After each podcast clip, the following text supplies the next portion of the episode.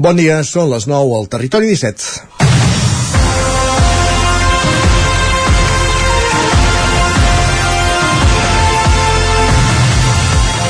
Benestar animal, en parlàvem la setmana passada amb el president dels Tonis de Tradell perquè són pioners en la seva aplicació al passant dels tres toms i en parlarem avui perquè el nou Reial Decret d'aplicació a les granges ja preocupa els ramaders de porcí.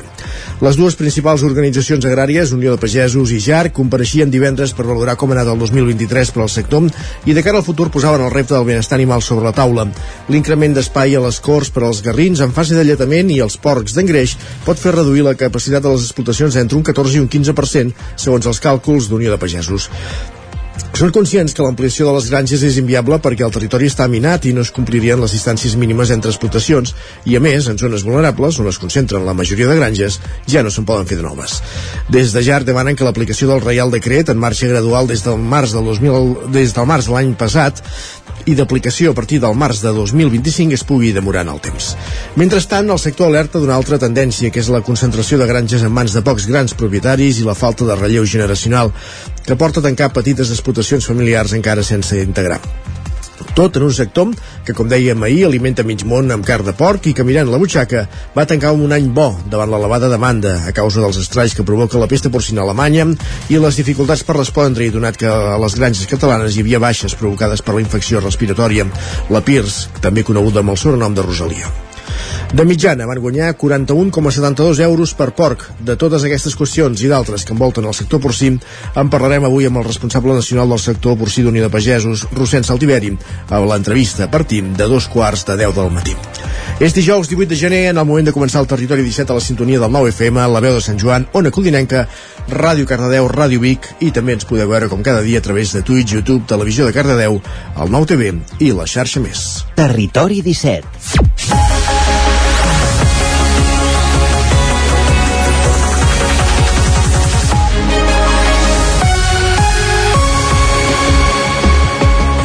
Pràcticament dos minuts i mig que passen de les 9 del matí en el moment de començar el territori 17, el magazín de les comarques del Vallès Oriental, l'Osona, el Ripollès, el Moianès i el Lluçanès, que cada matí us fa companyia durant dues hores, des d'ara fins al punt de les 11.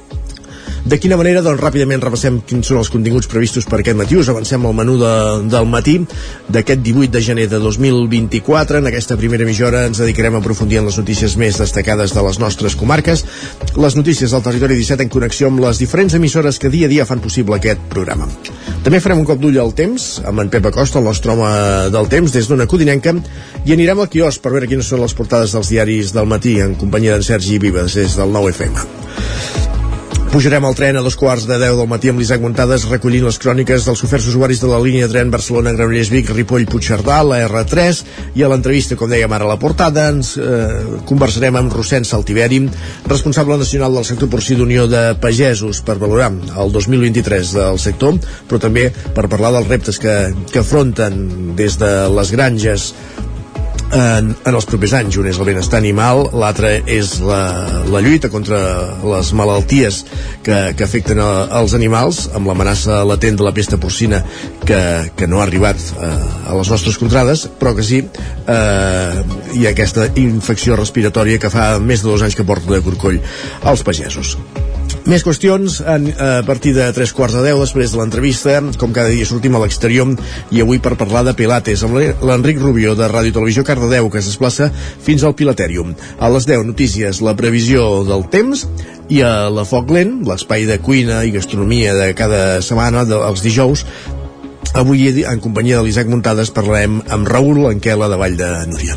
Serà, com dèiem, un quart d'onze, dos quarts ens endinsem a X, la xarxa social abans anomenada Twitter, en companyia de Guillem Sánchez, per acabar el programa dels dijous dedicat a la ficció, primer amb el cinema, amb en Joan Garcia i en Gerard Fosses des de la veu de Sant Joan, repassant la cartellera, les estrenes de a les sales de casa nostra i acabarem el programa amb algunes recomanacions de sèries que ens fa cada setmana l'Isaac Muntades.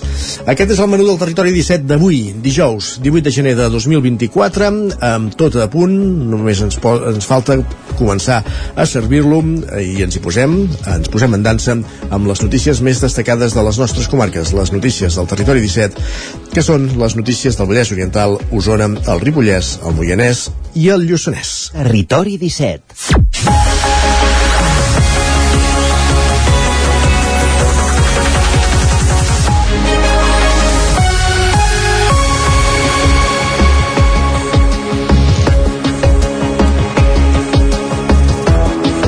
Porcs a les granges d'engreix hauran de tenir més espai. És el que dicta el nou Real Decret de Benestar Animal que entrarà en vigor al març de l'any que ve i que preocupa el sector. Sergi Vives, al 9FM. Així doncs, un port d'engreix passarà dels 0,65 metres quadrats al menys 0,74. Per Unió de Pagesos pot suposar la reducció d'entre el 14 i el 15% de la capacitat d'aquestes granges per la dificultat que suposa ampliar-les, el que implicaria, segons el sindicat, la fi de moltes petites explotacions porcines. De fet, durant el 2023 a tot Catalunya s'han tancat 69 granges, en bona part per la falta de relleu, però també per la dificultat d'adequació, per les petites dimensions i de la normativa per a les ampliacions i granges noves. Així doncs, el principal repte pel sector porcí per aquest 2024 és l'adaptació d'aquestes mesures. Així ho deia el responsable de sector ramaders d'Unió de Pagesos, Jordi Armengol. El primer escull que trobarem és la impossibilitat de adequar aquestes granges per poder recuperar aquesta capacitat productiva. Volem defensar un model de ramaderia amb granges petites no? i ramaders petits, però tot el sistema ens porta a aquestes granges petites eh? i aquests ramaders petits arribarà un moment que no, no, no sortirà rentable continuar explotant aquestes granges perquè seran massa petites. És un pes que es mossega la cua, però mirem de, per un costat mirem de promocionar un tipus de ramaderia, però la evolució del sector ens porta a que ens acabarem carregant, acabarem fent plegar. L'altra gran amenaça per al sector continuen sent els aspectes sanitaris.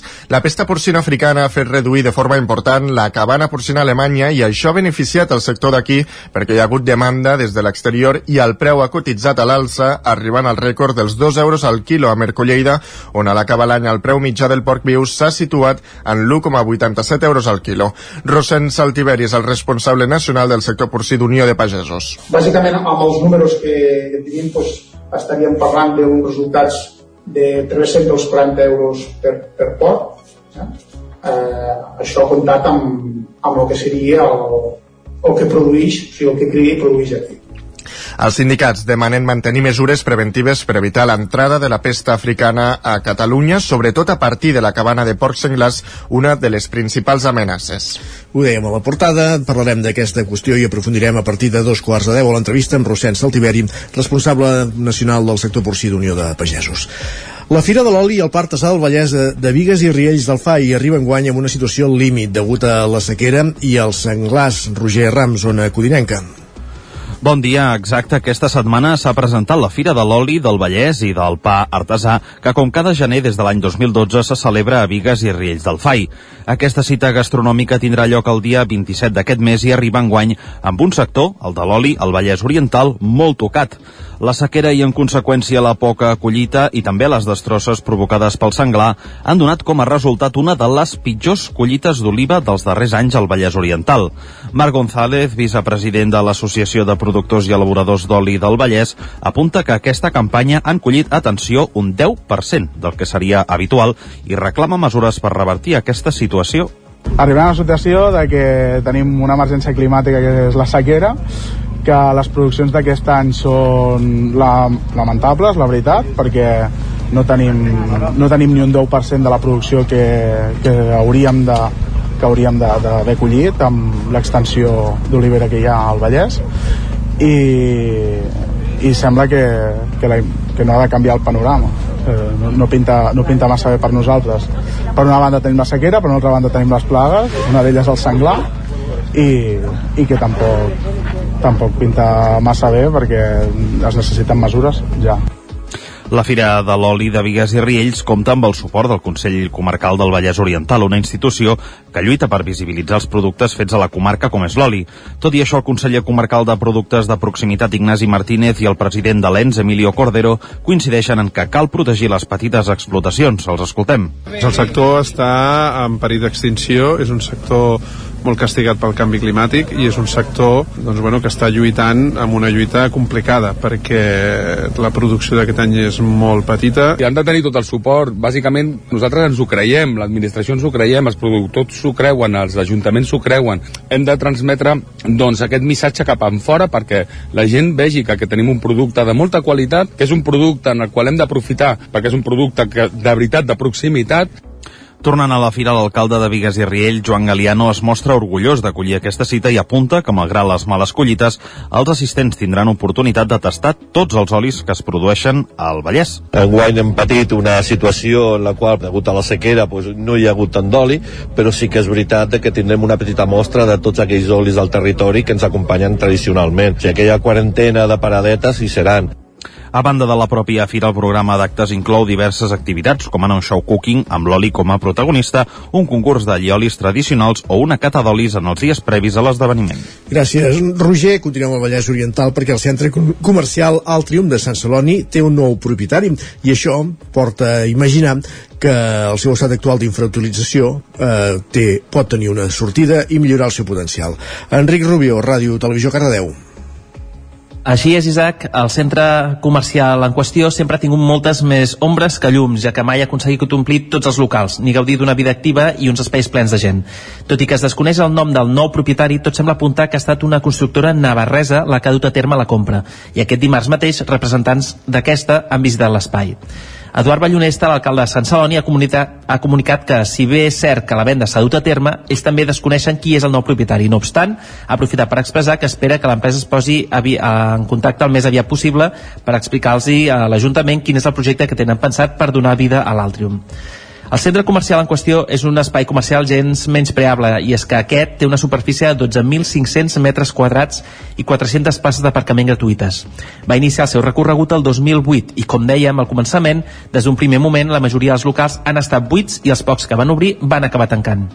Actualment, l'únic que està en funcionament en aquest espai són les sales de cinema, un supermercat una botiga de telefonia i alguns serveis addicionals. Per tant, es tracta d'un espai relativament nou amb totes les infraestructures, però absolutament infrautilitzat al llarg d'aquests 15 anys. Gràcies, Enric. Més qüestions. Anem cap al Ripollès perquè el Consell Comarcal impulsa el servei d'autobús sota demanda entre Ugassa, Sant Joan de les Abadesses i Ripoll. Isaac Muntades, la veu de Sant Joan. Aquest dilluns, el Consell Comarcal del Ripollès va posar en marxa el servei d'autobús sota demanda clic.cat entre Ugassa, Sant Joan de les Abadeses i Ripoll. Aquest servei, promogut des del Departament de Territori i finançat per la Generalitat, té un cost de poc més de 43.100 euros i es fa amb la col·laboració de l'empresa d'autobusos Teiso. Tal com explicava el gerent de l'empresa, Àlex Gilabert, des de fa un any ja hi ha quatre rutes que operen a través del transport a demanda, que són dues en base a Camprodon que van fins a Set Cases i Beget i dues en base a Ripoll que van a Vallfogona i la Farga de Bavià. El servei fins a Ugassa es cobrirà amb el vehicle de Ripoll i que també es pot demanar per connectar amb Sant Joan i a la inversa. Es podrà reservar el bus fins a un quart d'hora abans de la sortida del servei a través de l'aplicació Nemi i per a aquelles persones que no tinguin dispositius mòbils o dificultats es podrà fer el telèfon de Teissa. Hi haurà tres expedicions pels dos sentits de dilluns a divendres feiners, una al matí, una al migdia i una a la tarda. Si no hi ha demanda no es farà el desplaçament. L'alcalde d'Ugassa, Albert Solà, creu que serà un servei utilitzat quan la gent agafi confiança i el conegui, ja que la població ugassenca és força envellida. Nosaltres aquí als pobles petits tenim moltes mancances, seria tema farmàcies, el CAP, si has d'anar al banc, tots aquests serveis hi ha molta gent gran que ja no té eh, vehicle propi i és una manera de facilitar que puguin anar als altres municipis a, a tenir aquests serveis. I d'una altra manera era també per donar una línia de la gent que vol fer turisme i ens vol visitar aquest poble d'Ugassa que tingui una manera per arribar-hi sostenible. El president del Consell Comarcal, Amadeu Rossell, així com el conseller comarcal i director dels serveis territorials de territori de Girona, Sergi Albric, també ho veien com un servei molt necessari. Escoltem el Bric. És apostar per la millor connexió dels municipis del país. Entenem que un la potencial transport públic és una manera, doncs, de, com deia el president del Consell Comarcal, d'arrelar la gent en els municipis i, per tant, com més bones connexions, com més bones infraestructures, com millor transport hi ha entre municipis, és una manera d'intentar garantir, doncs, conjuntament amb l'habitatge, doncs, que les persones puguin viure en els municipis on, on realment volen viure. El gerent de Teissa també va posar algunes dades sobre la taula de com havien funcionat les quatre rutes del servei a demanda del Clic.cat aquest primer any al Ripollès. En el primer any doncs, eh, l'han utilitzat 1.128 clients. Diguéssim que hi ha una mitjana d'uns 94 viatges al mes, tenint en compte doncs, que ha començat fa, fa un any i el mes de maig es va fer va haver-hi al màxim 153 persones i la utilització de moment doncs, tenim un 33% d'utilització a la ruta de Set Cases Camprodon, 43 a la de Jet Camprodon, un 24 a la de Vallfogona Ripoll i realment la, la que de moment no té utilització 0,2 la de la Farga. No? Un 75% dels clients reserven a través de l'aplicació i el 25% restant ho fa per telèfon. A la ruta 7 Cases a Camprodon no realitzen el 72% dels quilòmetres i a les altres sí. Durant aquest primer any hi ha hagut un 24% de les places reservades. Gràcies, Isaac. Més qüestions. L'Ajuntament de Vic es presentarà com a acusació particular després d'haver denunciat la crema de més de 44 contenidors el darrer any. Uns actes d'incivisme que ja suposen un cost de 30.000 euros, Sergi. En aquest eh, 2024, la capital d'Osona ja s'han cremat 17 contenidors. Des de l'Ajuntament parlen d'un boom d'aquest tipus de fets delictius que ja suposa un cost de 30.000 euros per a les arques municipals, com tant i també els de l'any passat en total 44 contenidors.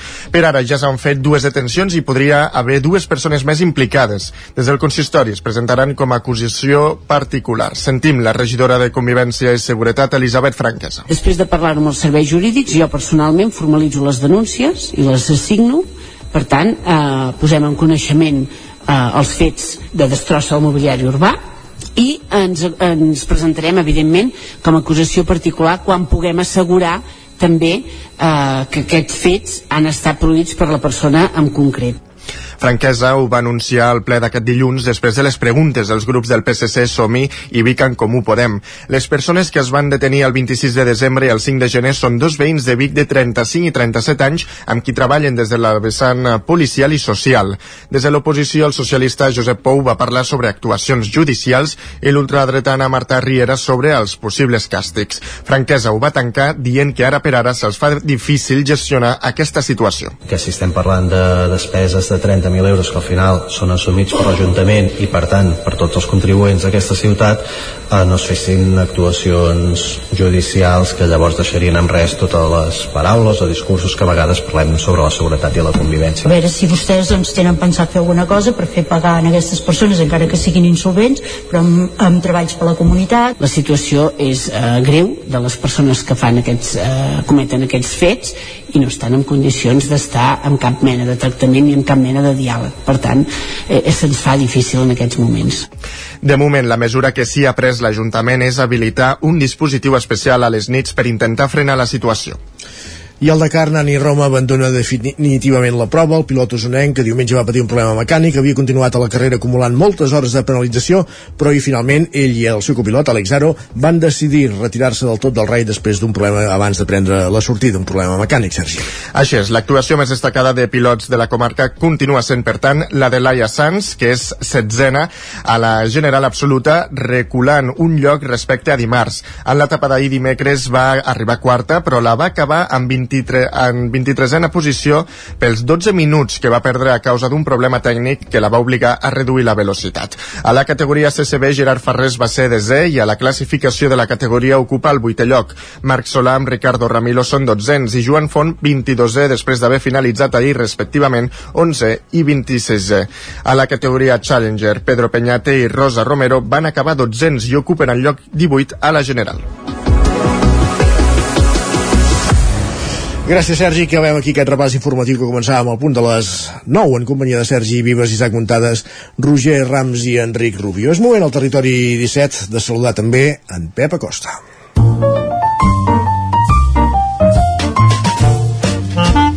Casa Terradellos us ofereix el temps. Ell és l'home del temps del territori 17, l'anem a pescar a Ona Codinenca perquè ens expliqui quin temps farà les properes hores i faci un repàs també de, dels fe, de, del, de, del darrer dia. Pep Acosta, benvingut de nou. Hola, molt bon dia. Ja som dijous, a la setmana dels barbuts, i atenció amb les temperatures indignants que estem tenint aquesta setmana Ah, indignants. Temperatures indignants, el concepte. jo estic uh, desesperat i ja no sé... No sé què fer, no sé ni què dir ni què fer, perquè és autènticament un escàndol, eh, mínimes per sobre els 10 graus, més de 10 graus, a moltes poblacions d'Osona, del Moianès, mm, fins i tot del Ripollès, eh, no sé, jo no...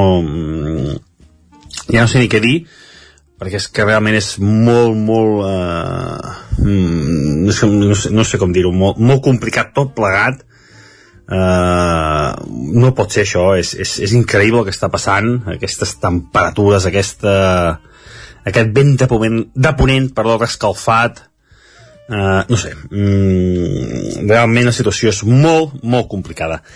Uh, avui serà un dia uh, de sol, uh, venim uh, d'un dimecres amb quatre gotes novament és que aquests fronts per, per, per fer això no cal que, fas, que, que vinguin perquè és que per deixar quatre gotes com les que van deixar ahir és que no, ni, ni cal, perquè no, no, no, no, és que no, mm, no, no fa res, ni de bon tros, uh, i també ahir unes temperatures màximes properes als 20 graus a moltes zones, bueno, la setmana dels barbuts, eh? Estem a la setmana dels barbuts, eh? La més freda de l'any que havia ser. I avui també, com deia, molt de sol, pocs núvols, algun núvol prim, perquè demà es passa un altre front, sembla més actiu, però ja, ja no, jo ja no sé ni, ni, ni, ni, ni si ho serà o no, perquè ja no, ja, és que ja no, ja no m'atreveixo a dir si ho eh? serà o no, uh, però bueno, esperem que sí, però bueno, ja, ja ho veurem, demà els, els mapes s'afinem una mica més, però avui molt de sol, i temperatures una altra vegada les màximes moltes, moltes entre els 15 i els 20 graus 15 i 20 graus de màxima al migdia temperatures a evitar escàndol i, i és el que tenim aquesta setmana uh, demà finarem més aquesta predicció de la, de la pertorbació que ens afectarà aviam, aviam si ens deixa una mica de, més de pluja que no pas ahir adeu Aviam, aviam si és així. Esperem-ho. Gràcies, Pep. Uh, va, ànims, parlem d'aquí una estona. Casa Tarradellas us ha ofert aquest espai. Territori 17. Envia'ns les teves notes de veu per WhatsApp al 646 079 023. 646 079 023. WhatsApp Territori 17.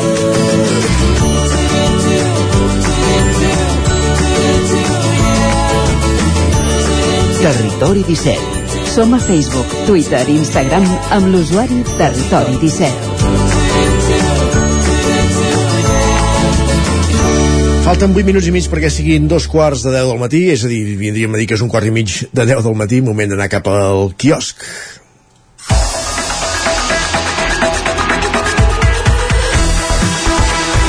Sergi Vives, des del nou FM, és qui ha fet un cop d'ull als diaris del matí, a les portades dels diaris del matí. Què hi trobem? Per on comencem, Sergi? Així és, doncs mira, començarem pel punt avui, eh, que eh, diu que Trapero durà l'operació Catalunya als tribunals. Expliquen que el major dels Mossos reclamarà els caps de la guerra bruta per la persecució viscuda. Per altra banda, també diuen, destaquen que la plaga de conills japonent torna a ser una emergència cinegètica. El periòdico diu que la Constitució fa per fi justícia a les persones amb discapacitat. Expliquen que els socialistes i el PP blinden la reforma que desterra la paraula disminuït de la Carta Magna i tanquen la porta a debatre altres modificacions. Per altra banda, també diuen que el PSOE i Junts pacten presentar plegats la llei que cedirà competències d'immigració a Catalunya. Expliquen que els lletrats del Congrés demanen que els delictes de terrorisme quedin fora de l'amnistia. La Vanguardia diu que Barcelona es prepara per a baixar la pressió de l'aigua per la sequera. Expliquen que la mesura es, es començarà a aplicar als municipis de l'àrea metropolitana on se'n consumeix més, de manera que a la capital encara es demorarà uns mesos. I en crisi climàtica també diuen que el vertiginós desglàs de Groenlàndia ja estaria alterant la distribució de l'energia tèrmica global, segons un estudi publicat a Nature.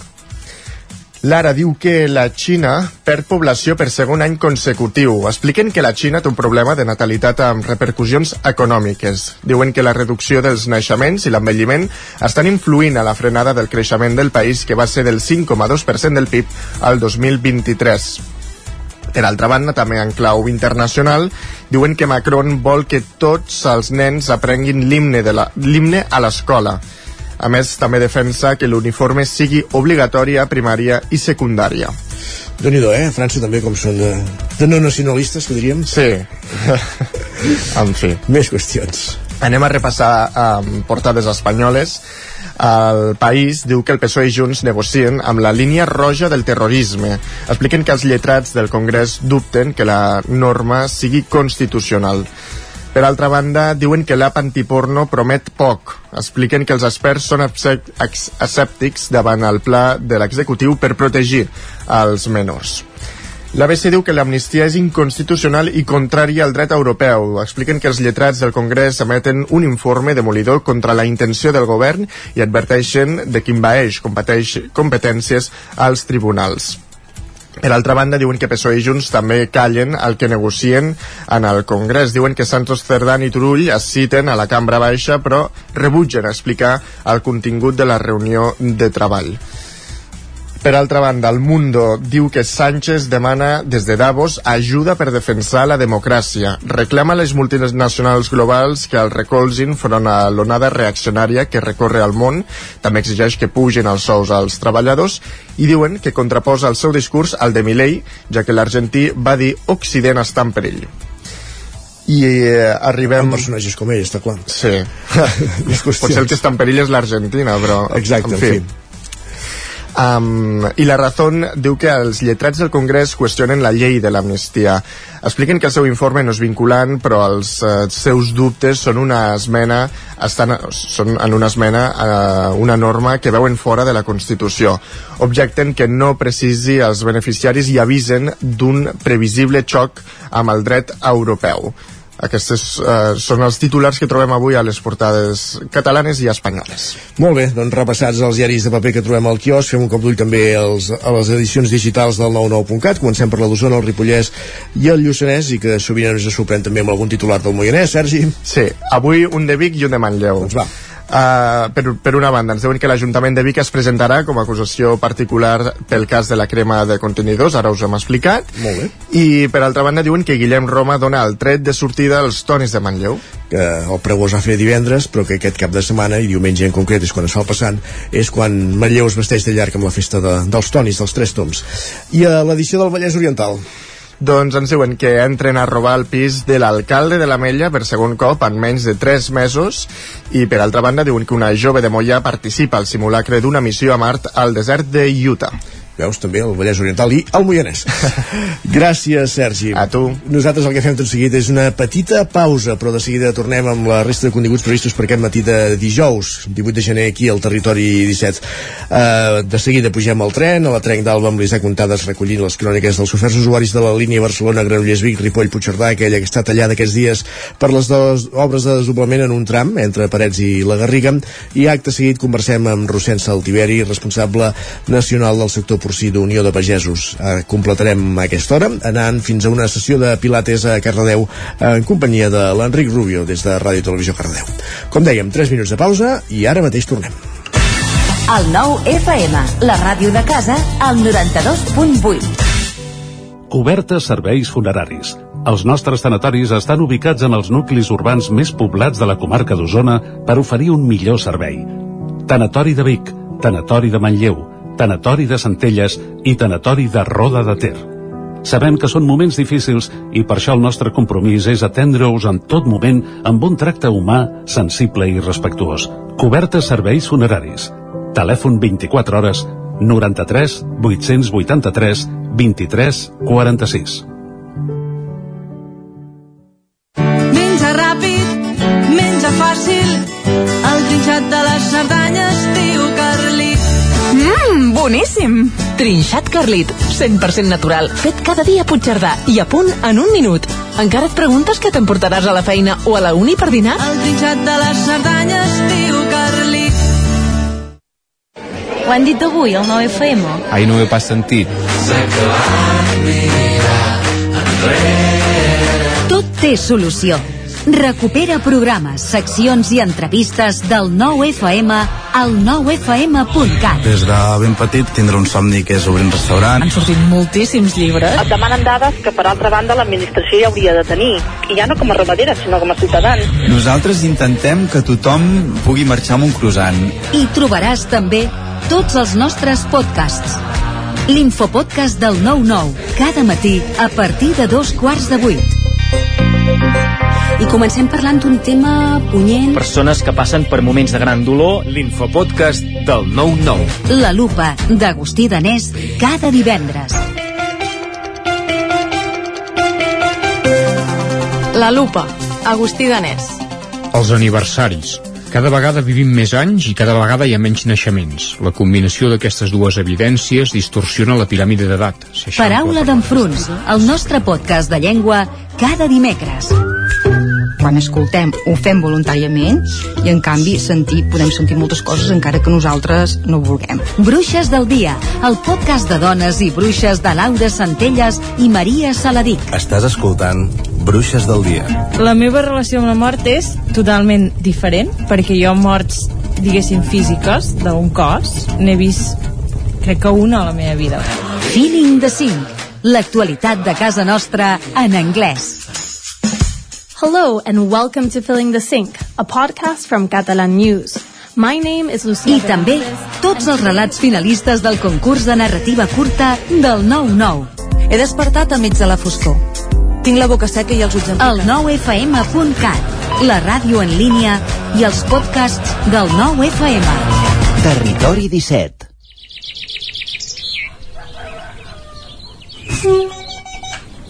A Tren d'Alba. Cada dia els usuaris i usuàries de la línia R3 de Rodalies que veuen sortir el sol des d'un vagó ens expliquen les gràcies i les penes del primer comboi que uneix Ripoll i Barcelona o les feixugues jornades amb el tren després de treballar. Benvinguts a Tren d'Alba. Avui l'usuari d'X, Talor Zenosama, es queixava que els retards de les línies del sud de Catalunya són cada dia més crònics i injustificables. Ha penjat una taula d'informació i hi havia trens que anaven amb mitja hora de retard, un escàndol absolut. A més a més, es queixava que els community manager de Rodalies i de DIF no informaven per res de les incidències als usuaris. Normal, haurien de fer jornades de 24 hores de treball, gairebé, per poder explicar tots els retards que es produeixen al llarg dels dies. Contestar mil comentaris de gent enfadada perquè el tren no ha sortit, perquè els seients són incòmodes, perquè hi ha gent incívica al tren, perquè la meteorologia ha impedit que arribés puntual, mil i un problemes. En fi, ens retrobem dilluns amb més històries del tren i de l'R3. Territori 17. Un minut que passa de dos quarts de 10 del matí.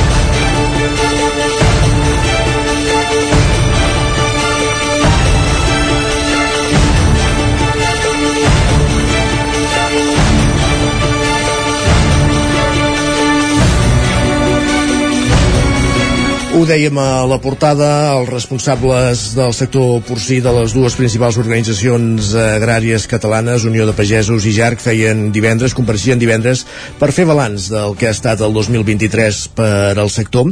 Un 2023 que, si parlem eh, amb números, econòmicament ha estat positiu, amb beneficis de 41,72 euros de mitjana per, per porc engreixat, però rere aquesta dada s'hi amaguen moltes realitats i també volem parlar d'això i d'aspectes de futur amb el responsable nacional del sector porcí d'Unió de Pagesos, Rossens Saltiveri, que ja ens acompanya a l'altra banda del fil telefònic. Rossens Saltiveri, benvingut, bon dia. Bon dia. Com dèiem, eh, divendres fèieu aquesta compareixença, aquesta valoració del que ha estat el 2023 per al sector porcí. Comencem per aquí, per fer eh, aquest balanç.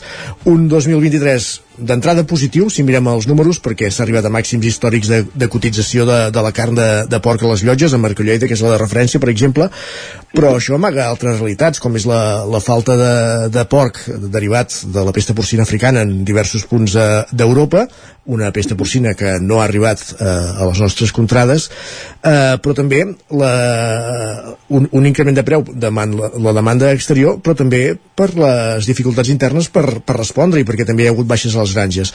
Hi ha molta... El còctel eh, té molts factors a, a comentar. Comencem per això. Eh, D'entrada, any positiu per, per, per l'increment de preus. Sí, bueno, de fet, està, està clar que estem en un mercat d'oferta i demanda, i evidentment, quan falta, doncs els preus pugen, no? I aquesta és la, la situació que, que hem viscut aquest 2023 i que, evidentment, tal com has comentat, una mica la realitat és aquesta. I tenim el que és el context eh, europeu, eh, Alemanya des del 2020 amb l'entrada de la PPA, pues, això ha comportat moltes pèrdues pels ramaders, tancament d'explotacions amb unes reduccions que estem, calculem sobre el 30%. Alemanya, que era el principal productor i exportador, pues, ha fet una reducció molt important. Aquí sumem també lo, lo, el cas d'Holanda amb, amb la reducció de, de, de, de granges per temes mediambientals. Els governs han ficat diners damunt de la taula perquè tanquessin granges i aquesta reducció, pues, evidentment, es comença a notar també. I, paral·lelament, pues, evidentment, també al, al nostre país pues, dificultats eh, sanitàries eh, ha fet pot, també una disminució important de, de producció eh, amb, amb més o menys a, quantia, eh, si això ho valorem a nivell d'Espanya, tot i aquesta reducció important de producció i la gran quantitat de, de carrins i animals vius que s'han importat, doncs les xifres finals a nivell d'escorxador ha estat eh, al voltant d'un 7% menys de, de sacrificis, no? I això doncs, ha afavorit eh, tota aquesta, aquest, aquesta menys oferta ha favorit la, els preus històrics i que al final també, tot i que els, els costos de producció s'han mantingut alts, eh, que a partir ja des del 2022 pues el, el marge ha sigut eh, positiu aixugant els deutes del 2022 i tancant un exercici en, en positiu, eh? I possiblement amb desigualtats per, entre granges, però en positiu. Ara parlàvem de, de, de l'exportació, eh, no, ja, eh, les dades ho diuen, eh, l'estat espanyol i, i Catalunya en, eh, en bona part són el principal exportador i el principal client és, és la Xina, però hi ha altres mercats on, on s'exporta. Ara Rossent Saltiveri parlava de, de dificultats sanitàries que han fet reduir també la cabana a Catalunya, no és la pesta porcina, però sí en gran part aquesta PIRS, això que en diem la la, Rosalia. Quina és la situació d'aquesta infecció respiratòria a les granges ara mateix a Catalunya? Bé, és una malaltia, pues, una baixada de defenses i que, pues, bueno, i això sumat també amb, amb la reducció d'antibiòtics que hem anat fent en els últims anys pues, fa que, que, pues, que tinguem dificultats que durant els mesos d'estiu de, semblava que això s'havia calmat, ara que tornem a, a l'hivern, les humitats, pues, torna a, a tindre incidència. No les incidències que havíem tingut a, a principis de l'any passat, eh, però, però la incidència hi continua sent. Per tant, la, la previsió de, de producció per aquest proper any pues, també tindrà les seves dificultats de la mateixa manera del 2023, potser no en tanta escala, però bueno, som al principi i s'ha de veure. Però la, la dificultat i els problemes hi continuen sent presents. Abans comentava també la resposta inicial que Holanda ha reduït explotacions, diguéssim, per qüestions ambientals, que el govern ha, ha, in, ha ingerit diners, diguéssim, per, per tancar explotacions per contribuir al medi ambient.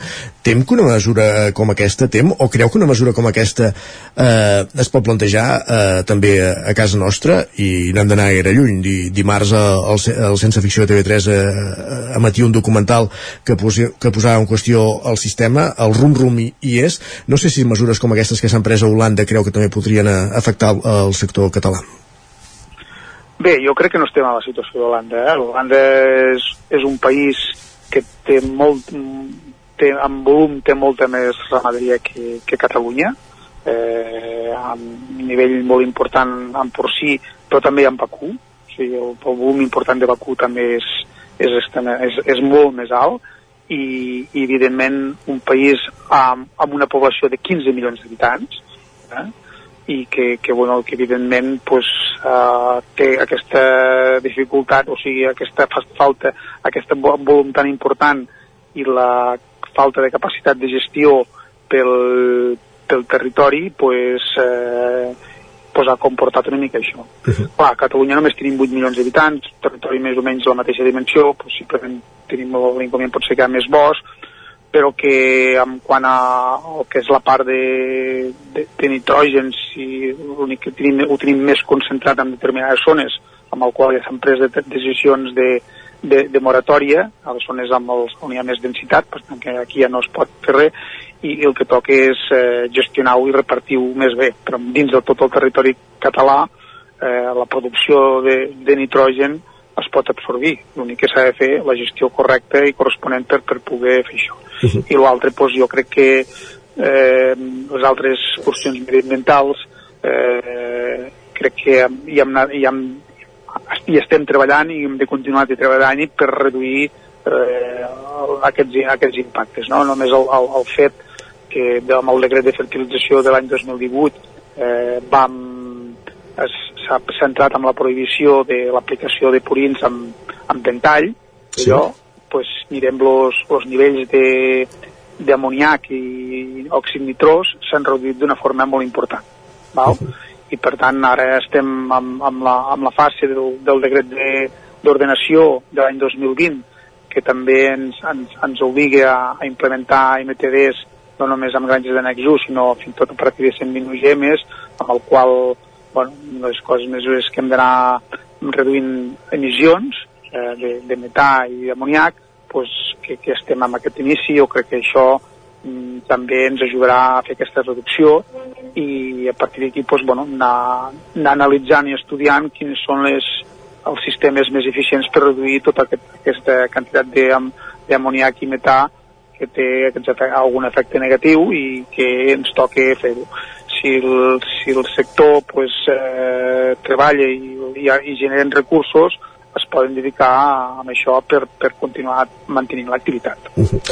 El repte que posau, però, divendres de, damunt la taula és eh, aquest reial decret que, que parla de, de benestar animal que posàveu xifres sobre la taula, sobretot amb, amb granges de, de, llet, de lletament i d'engreix, que pot fer reduir la seva capacitat entre un 14 i un 15%, un decret que ha d'entrar en vigor a partir del 8 de març de 2025 i, per tant, ara el que toca és adequar les granges, no? Sí, bé, és aquest altre apartat, és el tema del benestar, doncs que evidentment aquesta norma que va aprovar l'estat espanyol el 2023 eh, que ens marca aquest increment d'espai tant per deslletaments com per, plaça, per, per places d'engreix, pues això pues, és la tasca que ens toca també assumir aquest proper any de bueno, intentar, pues, si podem, no perdre aquesta capacitat productiva, eh, ens dificulta el fet de, de, de que ens marca la norma de no poder reduir distàncies respecte a les granges i el tipus de construccions de granges que tenim a Catalunya que, que, és, que estan construïdes de fa molts anys amb, distàncies, amb distàncies inferiors a, a les que la normativa actual permetria per fer una, una nova granja, pues, ens dificultarà aquesta, aquesta adaptació, no? I, per tant, bueno, en tot cas, eh, bueno, a nivell de cada granja s'haurà de buscar la, la millor solució amb l'objectiu de, de no perdre capacitat productiva, no? I, i al mateix temps pues, guanyar aquest espai per millorar el benestar dels animals. I també alertaven del fet de que es van tancant granges petites, granges explotacions familiars, eh, perquè qui pot assumir totes aquestes inversions són més aviat eh, els, els grans propietaris que, que cada cop concentren més, més propietats també dins del sector, no? Eh, bueno, aquí hi ha, hi ha diferents qüestions amb aquest tema. Pues jo diria que, clar, a Catalunya encara tenim, tenim un 40 dins de la classificació que té el, el decret d'ordenació que ens classifiquem tres grups, eh, granges fins a 120 UGMs, de 120 a 360 i, i 360 fins als 700 eh, fins a les 864 que es pot, es pot, és el, el sostre que tenim, pues, eh, les granges del grup 1, que són les petites de més de 100 milions, que equival als 1.000 ports d'engreix, doncs a Catalunya encara tenim en aquests moments tenim el 42%, no? Uh -huh. Un volum important, no? Eh, aquestes granges, doncs, evidentment, a vegades per, per falta de relleu, per falta de, de, bueno, de, de rentabilitat pel fet de, pel tamany, eh, doncs pot, eh, és les granges que en aquests moments estan tancant i que això es pot anar incrementant, no? Per falta de, de, de rentabilitat per aquest volum de tamany, no? I que després, per l'altre cantó, el, el fet el, el fet de, de ser, bueno, de compaginar les necessitats laborals de, de tot el personal, doncs també ens, ens, ens, ens comporta que les granges han de tindre una dimensió, no? Perquè al final doncs, el, el personal que hi treballem, els que hi treballem a les granges, doncs, també tinguem la, la, la, la, la de, de, de tindre un horari eh, laboral eh, flexible i d'adaptar-nos a les necessitats d'avui, no? de complir amb, amb els horaris i a més a més poder tindre vacances, poder ficar malalts, per tant eh, la dimensió importa pel sentit també de la dignitat i de, de, de, de la conciliació de laboral, no? eh, a, a part de, de la rentabilitat. Uh -huh. Um, abans parlàvem d'això, de, de, de poder anar mantenint el, el, el sector i poder anar invertint en millores a, a les granges. Uh, ara par, par, parlàvem del tema de, del benestar animal, perquè evidentment uh, és aquí mateix, uh, el 2025 ja entra en vigor, però evidentment la millora de la, de la gestió dels purins, abans parlava de, dels nitrats, eh, que hi ha zones on es concentren però que evidentment a Catalunya hi ha molta terra per poder-ho distribuir tot però sens dubte és el gran repte el, el, el fet de poder gestionar properament a la planta aquests mateixos eh, excedents de purins, ja sigui, per exemple, en plantes de biogàs, que semblaria que, se, que seria una solució, una de les solucions o una tendència ara mateix, anar-ho implementant a, a les granges o de forma col·lectiva eh, és un repte, és un objectiu, diguéssim, pel, pel sector també? Sí, sí, evidentment està clar que el, el quadrar, el, el, el, el, el fer una bona gestió de tots els, els fems i purins de les granges doncs és, un, és un, és un repte i que realment sobretot a les, a les, a les zones de, de, de més densitat, no? si es vol mantenir les granges existents. Evidentment, que això és, és, és vital, no? Vull dir, no, el que no, pod, no podem fer és fer una mala gestió del, del, del, dels purins que, que, fem, que generem a les granges. Per tant, bueno, ara se'ns obre de sistemes, n'hi ha, ha diferents sistemes, eh? De diferents eh, sistemes, per tant, cada, cada granja i cada col·lectiu s'ha d'anar adaptant i buscant la, la seva millor, millor solució. Té un cost, estem tinc clar que això té un cost, però evidentment. Eh, evidentment ara se'ns obre el ventall del, del tema del, del biogàs, no? pel fet de que no, no és que el biogàs ens, ens solucioni el tema, sinó que el biogàs ens pot generar eh, recursos econòmics per, eh, per minimitzar aquest cost, uh -huh. diríem. Eh? Si, si encaixa el projecte amb, amb, amb poder gestionar part de, de, de purins amb aquesta planta pues, pot minimitzar el cost que té la gestió d'això i fer un producte transformat que, que es pugui exportar en zones a més distància. I ja per últim, perquè també va aparèixer divendres la roda de premsa sobre la taula, quina és la relació entre els ramaders integrats i els no integrats ara mateix, no? Perquè la integració, diguéssim, de, de les grans empreses de, del sector que, que van integrant la, les granges és una tendència de ja fa dècades, diguéssim, però tothom conviu dins el, el mateix eh, àmbit, no? I dins el mateix eh, sector. Bueno, és un model que ens ha diferenciat al nostre, al nostre país, el model d'integració cada vegada agafa més pes. Això que fa per un cantó el ramader, el, el, la granja, el propietari de la granja que, que, que decideix treballar aquest sistema el que li dona és estabilitat eh? i l'empresa pues, eh, integradora pues, el que fa també és donar-li també volum i capacitat de gestió i de, i d'aquest volum per poder subministrar eh, aquest, aquest, aquests ports, no? I això, doncs, bueno, hi ha una vinculació, una relació que, bueno, mm, bueno s'ha d'anar, en principi és, és correcte, però evidentment sempre, clar, quan parlem d'un any amb beneficis, aquests beneficis l'acaba tenint el propietari dels ports i no el ramader integrat. Eh? Correcte. Però, mm, evidentment, eh, quan això és al revés, pues, eh, li dona aquesta tranquil·litat al, al ramader integrat per tant és el millor. Ara, evidentment, que per molts de les, de les despeses que hi ha en una granja per adaptar-se eh, la responsabilitat és del titular de la granja i per tant aquí cal també un esforç i una col·laboració per part del propietari dels de l'integrador, a l'integrat per tal de que pugui anar adaptant totes aquestes noves normatives i adaptacions per, per poder conviure amb la resta de la societat i continuar mantenint l'activitat. Rossent Saltiveri, responsable nacional del sector de porcí d'Unió de Pagesos, gràcies per atendre'ns aquest matí al, al territori 17 i, i respondre'ns algunes de les qüestions que, que hi ha sobre la taula amb el, amb el sector porcí. Bon dia. Bon dia i gràcies a altres.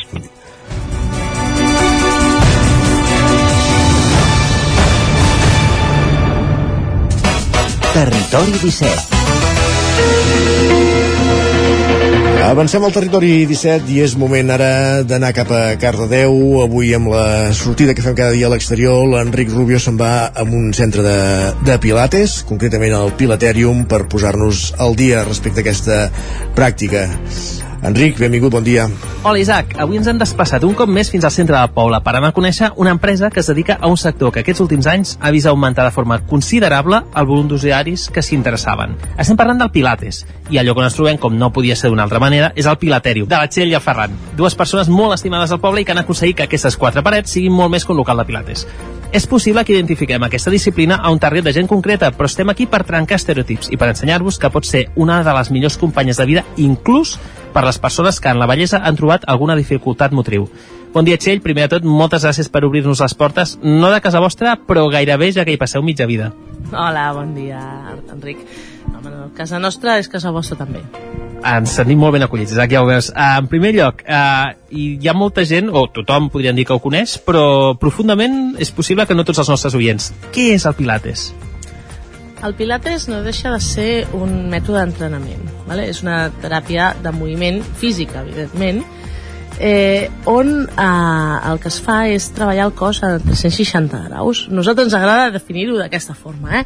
Eh, hi ha moltes maneres i si ho poseu pel Google us dirà moltes coses. Vale? També és una disciplina que ha evolucionat amb el temps. Vale? Què, què treballa el Pilates? Doncs amb 360 graus diem que treballa la flexibilitat del cos, la força, el control del teu cos i també la respiració. Vale? Clar, amb totes aquestes eh, mm, vares, diguem-ne, o totes aquestes potes d'una cadira, aconsegueixes pues, realment millorar la teva salut. Si ho fas ben fet, evidentment. Hi ha moltes formes de fer pilates, eh, i el pilates, i ara ho vaig a dir-ho clarament, no és la panacea, vale? Hi ha molts, moltes... Eh, Res és la solució miraculosa, res. miraculosa. Què, què requereix això? Doncs requereix una constància, evidentment, eh, i una voluntat de fer-ho, com tots els esports. Ara, què ens dona Pilates? Eh, molt més control del cos, molta més consciència. Al final el que aprens és a controlar el teu cos i saber fins a on és el teu límit. I quan saps això, eh, pots regular els teus esforços. Per tant, si saps regular els teus esforços, et lesiones menys i et fa menys mal tot. I quan et mous, saps el què mous i per què ho mous, no? En algun cas, jo que això sí que he vingut alguna vegada, on he fet alguna vegada, i després penses, ostres, estic movent aquesta part del cos i faig aquest moviment per això i per això i per tot l'altre, no? Ets molt conscient de, de, de, de, de el teu jo, no? Evidentment el Pilates és una disciplina en la que l'aprenentatge de l'alumne és primordial. O sigui, no tenim, nosaltres al centre no tenim ni un mirall. Eh, per tant, això vol dir que heu de fer servir el coco per, per, per bellugar-vos. No heu de fer servir una imatge en un mirall o copiar el que fa el company del costat perquè no, si no, no funcionarà. Vale? Eh, clar, tota aquesta forma de treballar fa que, vos, que els nostres alumnes, quan, el, quan practiquen, ja sigui un, dos, tres vegades per setmana o els que ells vulguin, eh, realment notin els beneficis. Surten de cada classe amb un aprenentatge fet, sempre amb una cosa nova. Ostres, doncs mira, jo no sabia que podia bellugar el braç fins aquí dalt o no em podia ajupir fins a aquest punt sense fer-me mal l'esquena o sense fer-me mal les cervicals o el que sigui. Uh, pels que ens estiguin escoltant, no ens estem ofegant, sinó que tenim una companya aquí al costat. Uh, com es diu? La Nina. La Nina, eh? O sigui, estem també acompanyats que inclús tenim una gosseta aquí, que és la primera que us donava la benvinguda si veniu aquí al, al Pilaterium. Uh, com ara comentàvem, segurament uh, hi ha moltes persones que potser ubiquen a un target concret, però realment Pilates no té edat, oi que no? És a dir, pot venir gent de qualsevol tipus d'edat, de, de, de, de practicants de diferents esports, no, no, no té un límit uh, clar. El Pilates el poden practicar i fins i tot les criatures vale? perquè al final eh, tot està basat en, en aprendre, no? Eh, en aprendre com funciones a nivell biomecànic i a nivell eh, bueno, energètic, sí. Uh, clar, si tu un nen li pots ensenyar a, a llegir i a escriure quan té 5, 6, 7 anys o a l'edat que toqui, per què no pot aprendre a bellugar el seu cos? Vale? Uh, a veure, nosaltres aquí realment fem el pilates amb les màquines i el tema de posar-hi eh, infants, eh, dic infants, eh, no menors d'edat, perquè tenim alumnes que tenen 14 15 anys que poden entrar a la màquina. Al treballar amb una màquina, bueno, doncs necessites com a mínim fer més d'un metro i mig, no?, perquè t'arribin els peus de lloc, vale? Dongui de si això no vol dir que no es puguin fer moltes coses, vale? Normalment, eh, a nivell de target, eh, pot fer-ho tothom. Nosaltres tenim aquí eh, gent amb patologies jo, gent jove amb patologies xungues, gent gran amb patologies xungues, eh, gent eh, gran eh, que són maratonians, eh, ara que ve la mitja de, de Granollers, pues, tinc uns quants que la van a córrer i ja tenen de, de 60 per arriba i estan encantats, han millorat tempos eh, i tinc mm, gent que senzillament es vol mantenir. Edats, Uh, bueno, pues, uh, nosaltres el que tenim és a partir de 40 anys cap amunt, vale? però jo crec que és un tema de, de temps també. I tant, i tant que sí. Uh, amb això que ens comentaves, com pot ajudar la bellesa concretament? Ser de bona mà que pot ser una ajuda increïble per persones que, per exemple, encara que molts oients diguin, ostres, vols dir, uh, tingui Parkinson o malalties similars. Uh, com pot ajudar en aquest moment de la vida en què potser certes persones diuen ja no puc practicar un esport o ja no comptava jo fer algun esport o algun tipus d'exercici físic i en canvi veuen que aquí tenen com, com un nou despertar realment. El que els hi passa quan ens fem grans i comencem a tenir patologies tipus, per exemple, un Parkinson, eh, això va, una fibromialgia, mm, va relacionat també amb una depressió física, no? una depressió mental física, perquè et notes, o sigui, et sents inútil, que ja se t'acaba tot, que no pots fer res. Clar, a, a la que tu veus que pots entrenar, eh, de forma segura, sense que et costi la vida, per dir-ho d'una forma, perquè hi ha una màquina que t'ajuda, perquè tens un professor que t'està assessorant en tot moment, eh, i pots aguantar una sessió de mitja hora, tres quarts d'hora o una hora d'entrenament sense esgotar-te, eh, clar, surts de la classe dient, bueno, encara serveixo per alguna cosa. I ja, el primer xip que fas quan, quan ets gran o quan tens, és, és l'autoestima, et puja l'autoestima. Clar, després, a partir d'aquí, amb la pràctica, vas veient que millores, que costa menys, que, que els hi costa menys ajupir-se, eh, se'ls hi cau un tovalló al terra, ostres, tu no necessiten la cosa aquella, aquella espècie d'espàtula que l'agafa, no, poden ajupir-se per si sols i aixecar-se sense que hagin tardat 5 minuts a fer-ho. Poden arribar a agafar el pot de les galetes que està més amunt. Retorna a una autonomia i a una... A una... I, i tot això crea a dintre d'aquesta persona mentalment tot el seu positivisme. Es belluguen, al final acaben bellugant-se més, estan de millor humor, amb més ganes de sortir de casa. Eh, per tant, eh, diguem que els hi va bé en tots els sentits, en l'emocional, en el social i, evidentment, en el físic. Um, dins del Pilates hi ha branques molt diferenciades pel que em sembla a mi, pel que ens has comentat. Uh, és a dir, hi ha qui potser vol corregir uns mals hàbits posturals, o com qui dèiem, ens comentaves ara que ve per una patologia, o qui vol prendre classes com un esport per tonificar, inclús possiblement. Jo haig de dir que uh, algun cop que n'he practicat, Uh, poques vegades he tingut tantes agulletes i la gent no s'ho imagina i treballes molt també muscularment si vols uh, és tanta aquesta diferència de branques o de disciplines dins del propi Pilates? A veure, ja, tu pots enfocar el pilates de moltes formes. Tot és pilates i tot és vàlid, vale? però també depèn de qui tinguis al davant. Pues, si jo tinc un grup que, o tinc un alumne que és triatleta, tindrà uns objectius de millorar el seu rendiment. Doncs anirem a atacar aquests objectius. Si tinc un alumne que li acaben de posar una pròtesi al maluc, evidentment els objectius seran molt més clínics i no podrem fer tant de rendiment. Això no vol dir que els dos alumnes hagin de treballar la força, l'estabilització, el control del cos i la flexibilitat. Però clar, s'adaptarà vale? a la persona un, eh, que té la pròtesi farem un pilates més clínic i a la persona que és triatleta que ha de fer una que té una half doncs haurà de fer un altre pilates més enfocat en el rendiment i en la compensació de les coses que no treballa quan entrena vale? Uh, després, uh, no sé, a partir d'aquí uh, ens anem adaptant, clar és, és així Ja fa ara 8 anys, ens comentaves abans que, que esteu a, a, aquí, a, a Cardedeu. Mm, el públic que teniu és tot aquí de Cardedeu o és un popurri una miqueta del voltants de comarca del Vallès i Baix Montseny? eh, tenim una mica de popurri. La gran majoria són d'aquí Cardedeu, perquè molta gent, evidentment, en ve caminant, però bueno, tenim molta gent també de Llinars, eh, tenim gent de Sant Pere, de Sant Antoni, i també tenim gent de la Garriga, perquè nosaltres som de la Garriga.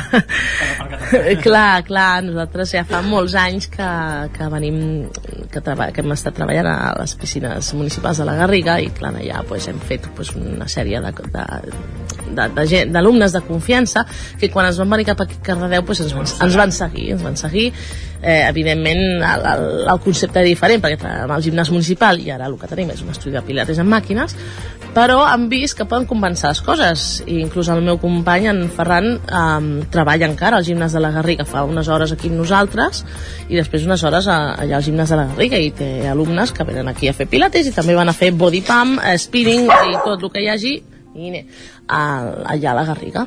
I la veritat és que estan estupendos.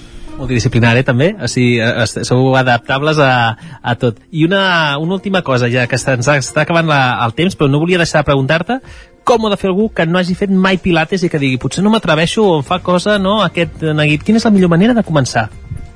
A veure, aviam, nosaltres eh, sí que funcionem així i és, és una... i ho fem per nosaltres, vale? fem sempre una sessió inicial. Vale? En aquesta sessió inicial el que fem és, evidentment, parlar de l'historial mèdic d'aquesta persona i fem un petit test de moviment i a partir d'aquí fem eh, el resta d'hora, que són d'una hora, la classe personalitzada per aquesta persona. En aquesta sessió inicial, aquesta persona que té una mica de por pot catar les màquines, eh, pot conèixer a on li falla el cos, pues, si té una restricció de moviment de maluc, o té una espatlla, o si té alguna patologia, o alguna, jo que sé, una hèrnia, el que sigui, ens ho pot dir. Vale? I a partir d'aquí testegem. I en aquesta sessió, normalment, com que parlem molt, eh, es perd la por es perd la por i ja directament la majoria de persones o passen a grups o decideixen, si volen, fer entrenaments personals. Hi ha aquestes dues opcions, oi? O sigui, hi ha aquestes dues tipologies de poder venir, si grupal o també... Sí, sí, sí, clar, nosaltres aquí, bueno, mm, depèn, sempre passem per la sessió inicial, a partir d'aquí valorem si aquesta persona pot anar a grups o necessita personalitzats.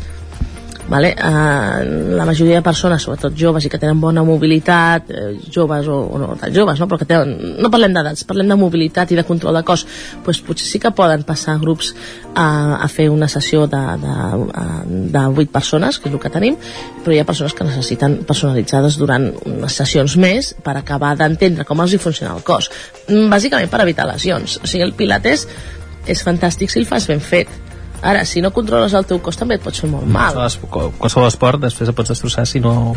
Correcte, és com fer crossfit. Crossfit és meravelloso, si tens bona tècnica. Clar, si, Si no, acabes anant a pilates. Claro, benvinguts, crossfitters. No, a veure, aviam, mm, mm, la, la cosa és així, tots els esports són guais, has de tenir bona tècnica, la, després ja va a nivell de càrrega que facis, càrrega em refereixo que eh, tu potser sí que pots fer pilates cada dia de la setmana i no passarà res. Sí, moltíssimes gràcies. Uh, parlaríem més estona. Realment se'ns han arribat els 10 minuts ràpid, ràpid. Sí, sí, gràcies per tot, uh, per estar aquí al T17 i res, uh, molt bona sort i seguir fent bona feina. La 2.0. Exacte, exacte. bueno, doncs gràcies Enric per venir i per acompanyar-nos i per ajudar-nos i com a casa teva, sempre seràs benvingut. Vinga, Isaac, doncs fins ara, d'aquí una estona.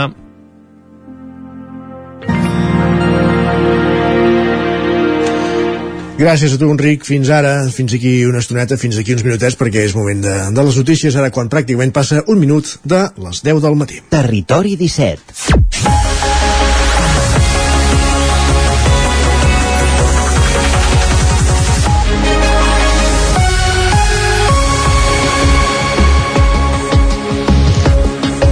Moment per la informació al territori 17, moment per les notícies de les nostres comarques, el Vallès Oriental, l'Osona, el Ripollès, el Moianès i el Lluçanès, i ho fem en connexió amb les diferents emissores que dia a dia fan possible aquest programa. La veu de Sant Joan, Ràdio Cardedeu, una Codinenca, Ràdio Vic, el 9FM, també ens podeu veure a través de Twitch, YouTube, Televisió de Cardedeu, el 9TV i la xarxa més per explicar-vos aquesta hora que l'Ajuntament de Ripoll posa traves per empadronar els immigrants. Isaac Muntades, la veu de Sant Joan. Aquest dimecres, el diari El Periódico publicava en portada que l'alcaldessa de Ripoll d'Aliança Catalana, Sílvia Oriols, dificultava l'empadronament als immigrants, un fet que provocaria que els nouvinguts no puguin accedir a serveis bàsics com l'accés a la sanitat i l'escolarització dels més petits. Cal recordar que l'empadronament és un tràmit obligatori que el consistori ha de garantir, com explica el director del Fòrum de Síndics, l'usonenc Francesc Mateu. L'empadronament és un procés administratiu que respon a l'obligació del ciutadà d'empadronar-se allà on està vivint i a l'obligació de l'Ajuntament de saber a tothom a qui té en el seu municipi. Per tant, és una eina administrativa. I el que no pot ser és que convertim una eina administrativa que ha de servir per això, perquè els municipis tinguin una bona administració, en una eina política que serveixi per decidir a qui volem i a qui no volem en el nostre municipi.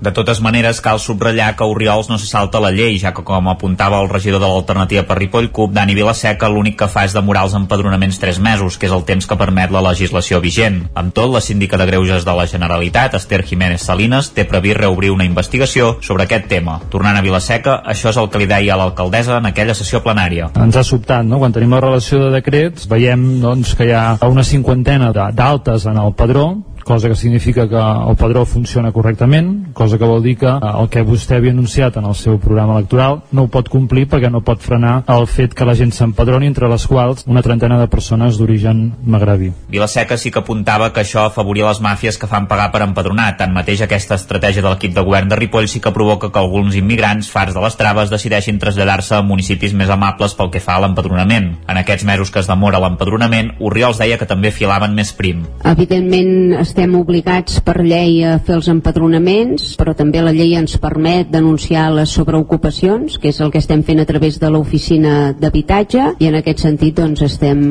jugant en termes legals, doncs, eh, mirant a veure què podem fer. Des de l'equip de govern de Ripoll no han volgut fer declaracions i es limiten a dir que compleixen la llei. Segons les dades de població per municipis del 2023, Ripoll té 10.818 habitants, una xifra que suposa un augment de 177 habitants respecte al 2022. Això significa un increment d'1,66%. Gràcies, Isaac. Més qüestions. El mes que ve han de començar les obres al Club Patí Vic, que han de permetre posar en servei la piscina interior i la piscina petita exterior. Les obres estarien acabades pel juny, per tant, de cara a la temporada d'estiu. El 9FM, Sergi Vives. Aquest és el calendari que preveu la regidora d'Urbanisme i de Manteniment i Serveis de l'Ajuntament Bigatàs Tercoma. El Club Patí Vic és propietat de l'Ajuntament des de l'any passat i actualment només hi funcionen els dos pavellons. La resta d'instal·lacions, entre les quals les piscines, estan pendents abans de la reforma integral del complex.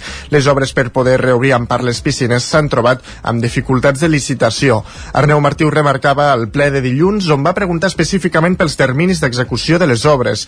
Els problemes que citava Martí tindrien a veure amb el fet que un dels tres lots en què està repartida l'actuació ha quedat desert i, segons consta en un acord de la xarxa de serveis urbans de l'Ajuntament de Vic, la licitació d'aquesta part haurà de continuar amb un procediment diferent. Aquest va ser el moment de la intervenció del regidor de Vic en Comú Podem i la resposta de la regidora d'Urbanisme i Manteniment i Serveis.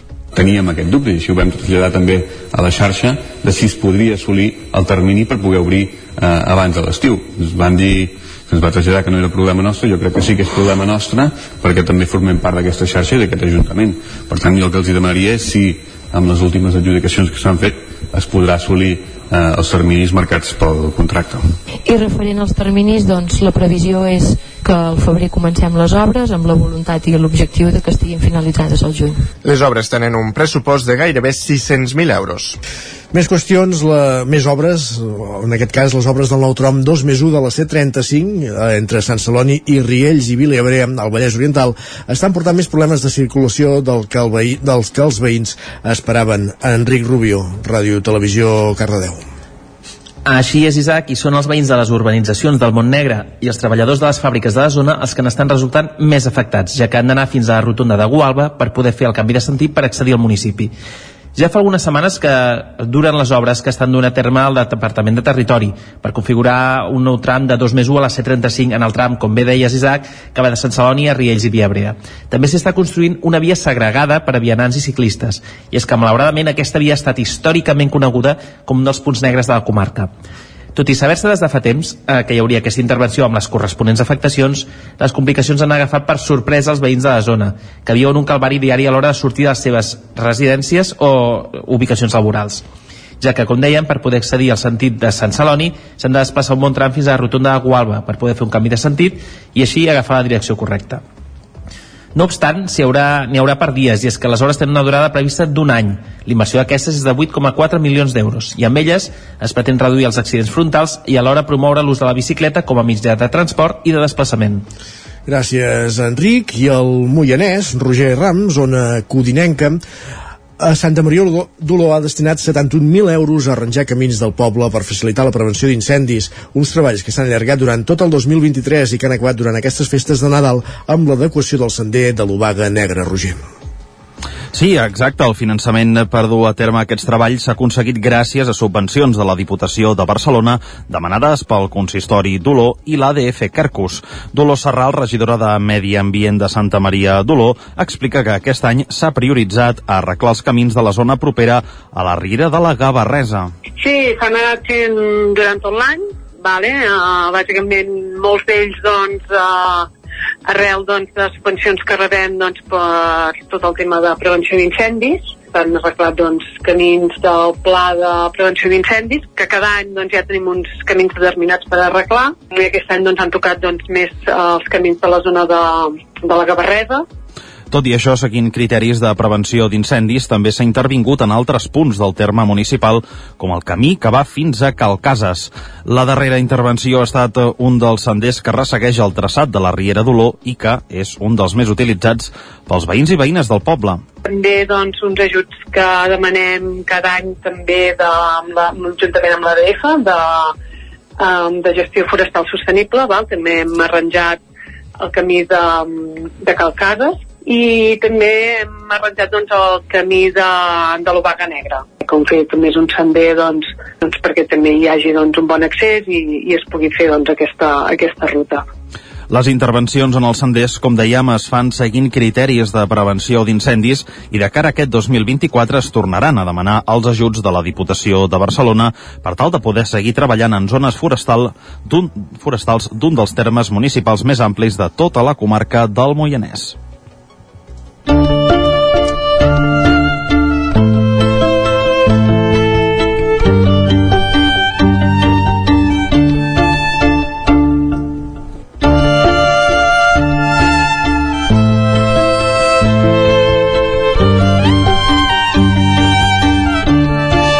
Així sona Desert, el primer avançament del nou treball de la violinista i compositora, compositora usonenca Coloma Bertran, que publica íntegrament aquesta setmana sota el nom de Ànima Primer.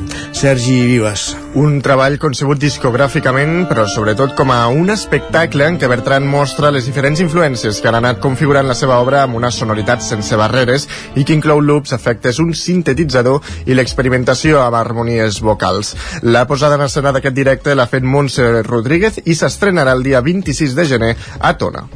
I un apunt esportiu per explicar que Vic es converteix en capital del bàsquet femení, un títol que els últims dos anys ha exhibit la capital del Bages, Manresa, i que a partir d'ara ostentarà la capital usonenca. El relleu se, se significava aquest dimarts a la sala de la columna de l'Ajuntament de Vic en un acte que va comptar amb la presència dels alcaldes d'ambdues ciutats, el de Vic, Albert Castells, i el de Manresa, Marc Eloi, i també de dues dones de bàsquet, la presidenta del Parlament de Catalunya, la bigatana Anna R, i Anna Caula, secretària general de l'Esport i l'Activitat Física. Amb el Club Bàsquet Femení Osona al volant, durant tot l'any, Vic desplegarà un programa d'actes amb l'objectiu de potenciar el paper de la dona en el món del bàsquet. Ho explicava Albert Castells. Jo em comprometo com a alcalde i demano també als, als regidors presents del consistori doncs, a, a treballar perquè aquest any 2024 la capitalitat doncs, sigui un èxit. També doncs, la regidora d'Igualtat en alemany doncs, també doncs, que puguem portar l'esport femení encara eh, molt més enllà, no? que ens queda moltíssima feina per fer en reconeixement i en, i en moltes altres àmbits. Eh, bé, per tant, espero que més enllà del món del bàsquet també tota la ciutadania de Vic gaudeixi d'aquest ric programa d'activitats i d'aquest any 2024 aquesta capitalitat del bàsquet femení. Al mes de febrer la capital acollirà dues trobades, una que reunirà les escoles de bàsquet de la Catalunya Central i una altra que reunirà les presidentes dels clubs esportius d'Osona. De cara al març hi ha prevista la festa de l'esport bigatà, la commemoració del Dia de la Dona i la posada en marxa de la campanya Nenes Valentes. Així arrencarà un programa que per la presidenta del Parlament de Catalunya diu molt de la ciutat de Vic com a país diria que és un orgull, un orgull tenir doncs, aquestes ciutats, eh, aquests pobles que sobretot doncs, el que cuiden és eh, aquests valors de les persones que et porta l'esport. Perquè unes, unes ciutats les més esportives, unes ciutats que cultivin aquests valors, el que et fan són unes ciutats doncs, més honestes, unes ciutats doncs, que posen al centre les persones i em sembla que això és aquell enriquiment que com a país podem tenir.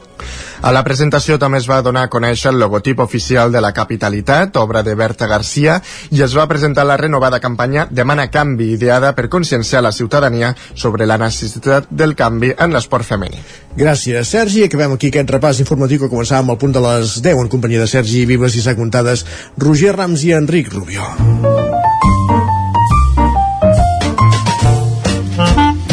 Casa Terradellos us ofereix el temps. I els protagonistes en els propers minuts del Territori 17 són en Pep Acosta i la previsió meteorològica. Pep, benvingut de nou. Hola, molt bon dia.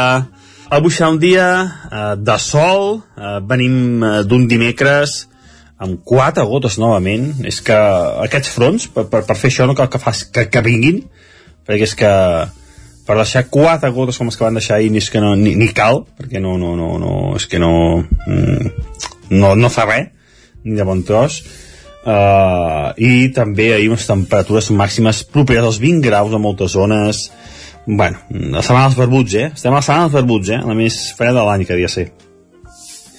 I avui també, com deia, molt de sol, pocs núvols, algun núvol prim, perquè demà es passa un altre front, sembla més actiu, però ja, ja no, jo ja no sé ni, ni, ni, ni, ni si ho serà o no, perquè ja no, ja, és que ja no, ja no m'atreveixo a dir si ho serà o no, Uh, però bueno, esperem que sí. Però bueno, ja, ja ho veurem. Demà els, els mapes s'afinem una mica més.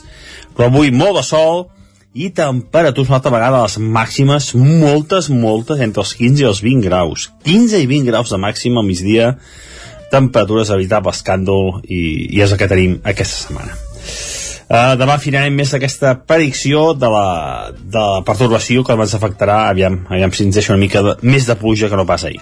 Moltes gràcies, fins demà, adeu. Fins demà, Pep, moltes gràcies, i amb si demà afinem uh, aquest... Uh uh, aquesta temporal que, que s'endevina per les properes hores i amb si es materialitza tal com ens agradaria. Va, Pep, uh, parlem demà. Bon dia. Casa Tarradellas us ha ofert aquest espai. I del temps és moment d'anar cap a la cuina.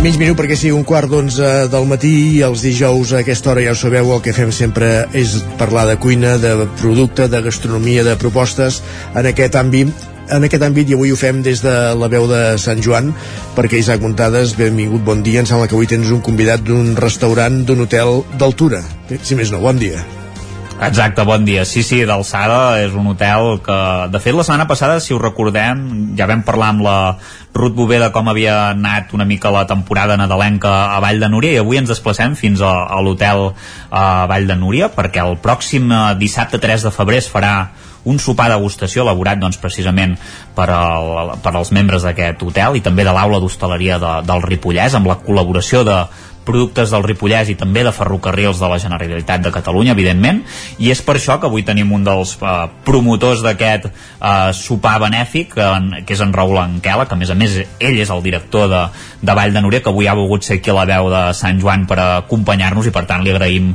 molt que hagi vingut a, al Territori 17. Bon dia, Raül, i moltes gràcies per ser amb nosaltres. Hola, bon dia, Isaac. Moltes gràcies a vosaltres per convidar-nos. Uh, per començar, Raül, hem de dir que es tracta d'això que dèiem, eh, d'un sopar benèfic, uh, tots els fons que recaptin, uh, a què aniran destinats i per què ho heu decidit així? Bueno, eh, els fons aniran destinats al Banc d'Aliments del Ripollès, que gestiona Creu Roja.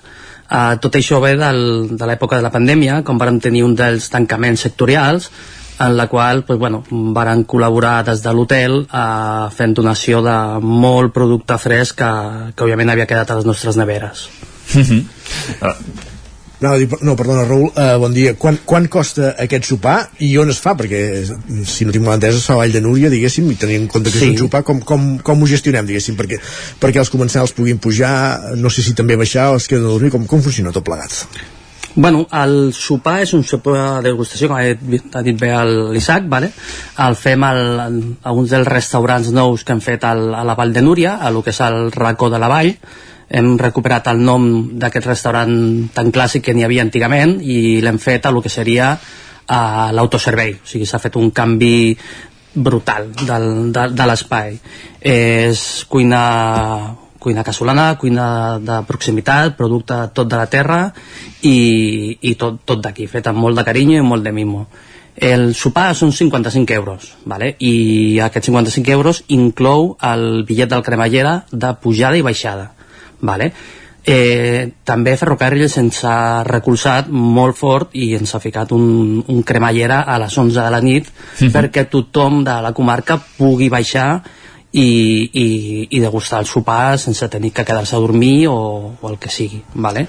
a més pues, bueno, estem mirant per fer alguna activitat per la tarda eh, a la cabana poder fer mm -hmm. retrac fer unes degustacions a la cabana dels pastors o, o a lo millor alguna actuació la, la idea és sobre les set i mitja de la tarda o així farem el Saló de l'Estatut farem mm -hmm. la presentació de, de tot l'esdeveniment eh, qui som, eh, per què ho fem i, i per què estem a la Vall de Núria. Mm -hmm. Bueno, i evidentment, Raül, qui vulgui quedar-se a dormir es podrà quedar a dormir, eh, això que dèiem, eh, sí, també. Sí, o, o, òbviament, òbviament. És que és més, el client que es vulgui quedar a dormir eh, no caldria que comprés el cremallera a, a preu de, de, de tarifa, o sigui, podria comprar el sopar amb aquest cremallera i ja li, li, li valdria igual, o sigui que és, és molt bona la, l'ajuda la, i el recolzament que estem, tenim per ferrocarrils en aquest cas. De quants comensals estem parlant, diguéssim? Quina és la previsió? Eh, estem parlant d'uns 60 comensals. 60 cara aquest any, que és la, és la primera vegada que es fa el sopar benèfic, doncs, bueno, hem volgut anar amb, amb peus de plom i poquet a poc i començar, començar bé. Si tot funciona bé, que esperem que sí, estem segurs, la idea és créixer, créixer i cada any doncs, bueno, eh, pues, anar, anar fent una miqueta més i si tenim que anar a buscar altres restaurants de la vall més grans per poder eh, fer-ho, pues, ostres, encantadíssims. Uh -huh. Aprofitant això, perquè has comentat, ja ens has avançat una mica que hi haurà aquesta seixantena de comensals, entenc que les places ja, ja estan limitades a 60 o en teníeu, en teníeu més? Eh, de, no. fet, de fet, no, no s'hi pot apuntar ningú més, entenc? O com va? No, no, no, en principi tancarem a 60. Tancarem a 60 i, a veure que podríem agafar alguna coseta més, no? Però volem fer-ho bé i volem tancar amb un número que, que puguem fer una, una bona donació i, i poder donar un bon servei i començar amb, amb, amb, amb bon gust de tot el servei. Uh -huh. Com va sorgir la idea, Raül, de fer aquest uh, sopar benèfic? No sé des de quant de temps hi, hi esteu treballant, però em sembla que fa un temps, eh, ja? Sí, bueno, realment estem treballant a això des del, des del desembre. Al desembre varen començar a rumiar, a parlar amb, amb l'aula d'hostaleria eh, per gestionar aquest sopar Vale? O sigui, la idea de tot això és una miqueta reivindicar eh, tot el treball que fa l'aula d'hostaleria amb els nanos d'aquí de, la, de la comarca perquè aprenguin un ofici, un ofici que és tan important dintre d'aquesta comarca que a dia d'avui sí que és veritat que, ostres, ens faltaria poder acabar el cicle sencer. O sigui, a dia d'avui eh, que s'ha perdut el, el cicle superior de, de cuina, és, és una pena, no?, que els nostres nanos tinguin que anar a Tona, a Barcelona, a Girona a poder estudiar això quan tenim una aula de tant de prestigi perquè ho té i ho és um, tot, tot això també continuem amb la reivindicació del nostre producte al Ripollès. Tenim uns productes eh, meravellosos eh, i, i, i perfectes per lo que és la, el nostre ofici.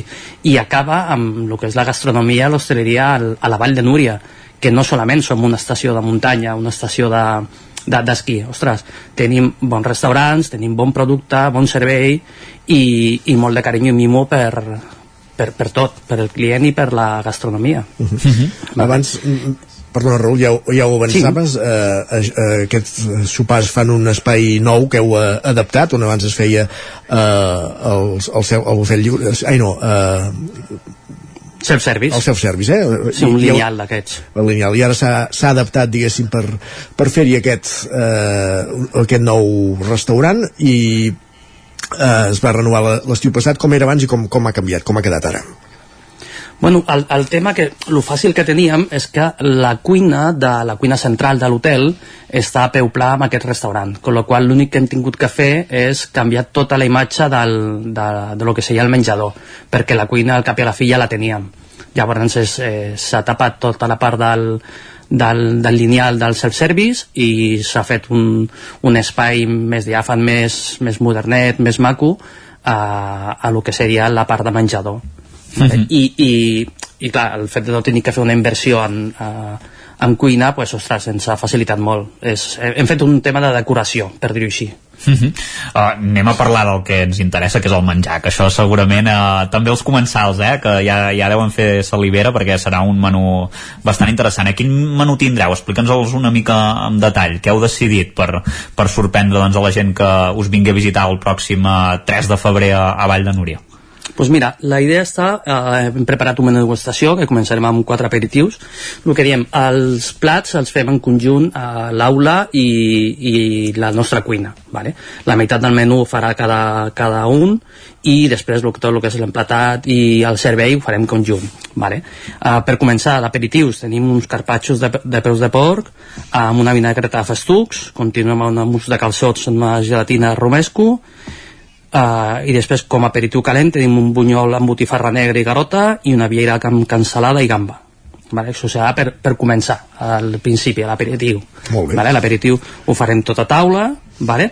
I, i bueno, per continuar els menú de degustació farem un brioix de tartar de poltre amb encurtits un mil fulles de patata amb sobrassada i mel continuarem amb un, un, un arròs melós de temporada, que serà amb carxofa, amb faves, amb costilleta, amb una, amb una miqueta de tinta de calamar, li donem uh -huh. un, mhm. un toc, i acabem amb una cua de vedella ecològica, amb ratafia de núria, un saltejat de figues i codony.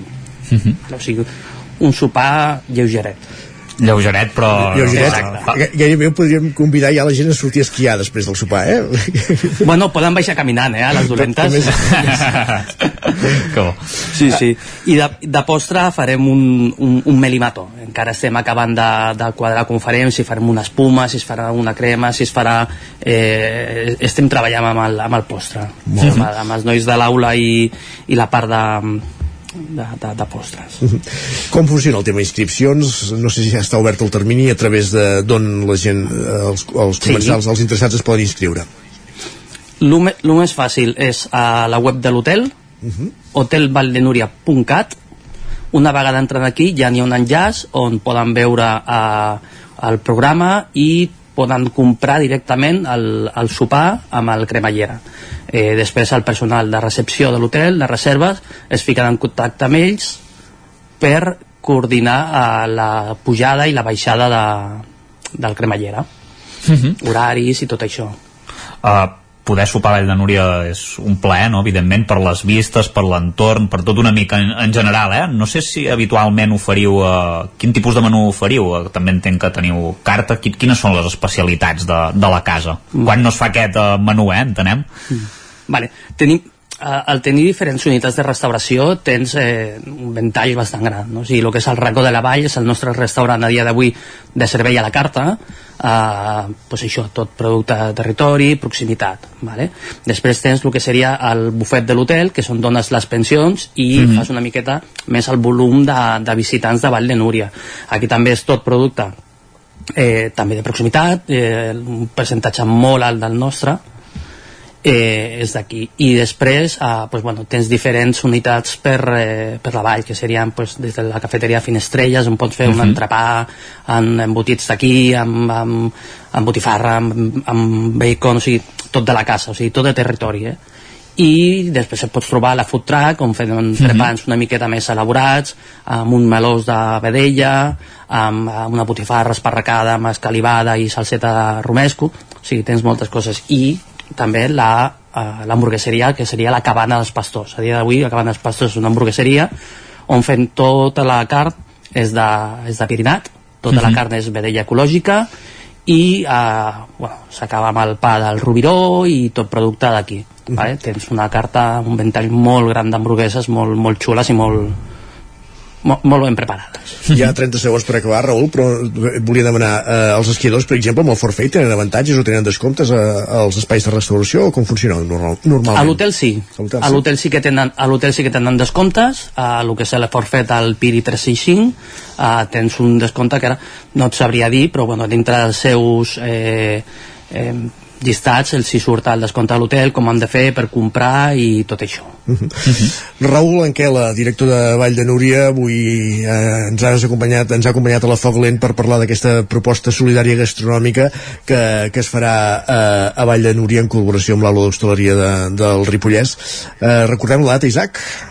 El 3 de febrer, el doncs. 3 de febrer, eh, i ens deia a partir de les 7 de la tarda, no?, que ja hi començarà a haver activitats, més o menys? Sí, exacte, exacte, ja per la tarda ja estarem per allà, Mm -hmm. Perfecte, doncs moltíssimes gràcies i ja sabeu aquí, si vulgui inscriure hi ha 60 places i una de les formes és fer-ho a través de, del web d'Hotel de, Vall de Núria moltes gràcies i que vagi molt bé la iniciativa moltes gràcies El nou FM, la ràdio de casa al 92.8 Bon dia, veïna, com estàs? Com està la teva família? Bon dia, Juanita. Tot bé, i tu? Em fas un favor? Saps on he de llançar aquesta capsa de cartró per reciclar?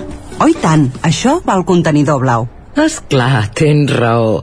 Reciclar és massa evident per no fer-ho.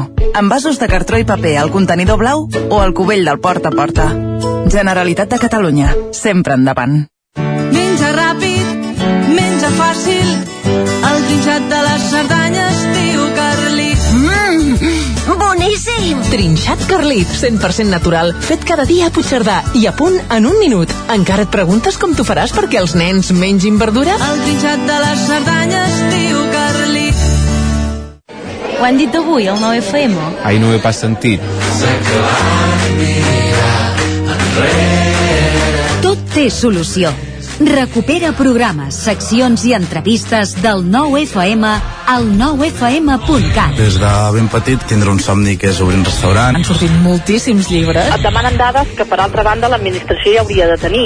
I ja no com a ramadera, sinó com a ciutadans. Nosaltres intentem que tothom pugui marxar amb un croissant. I trobaràs també tots els nostres podcasts. L'infopodcast del 9-9, cada matí a partir de dos quarts de vuit. I comencem parlant d'un tema punyent. Persones que passen per moments de gran dolor. L'infopodcast del 9-9. La lupa d'Agustí Danés cada divendres. La lupa, Agustí Danés. Els aniversaris.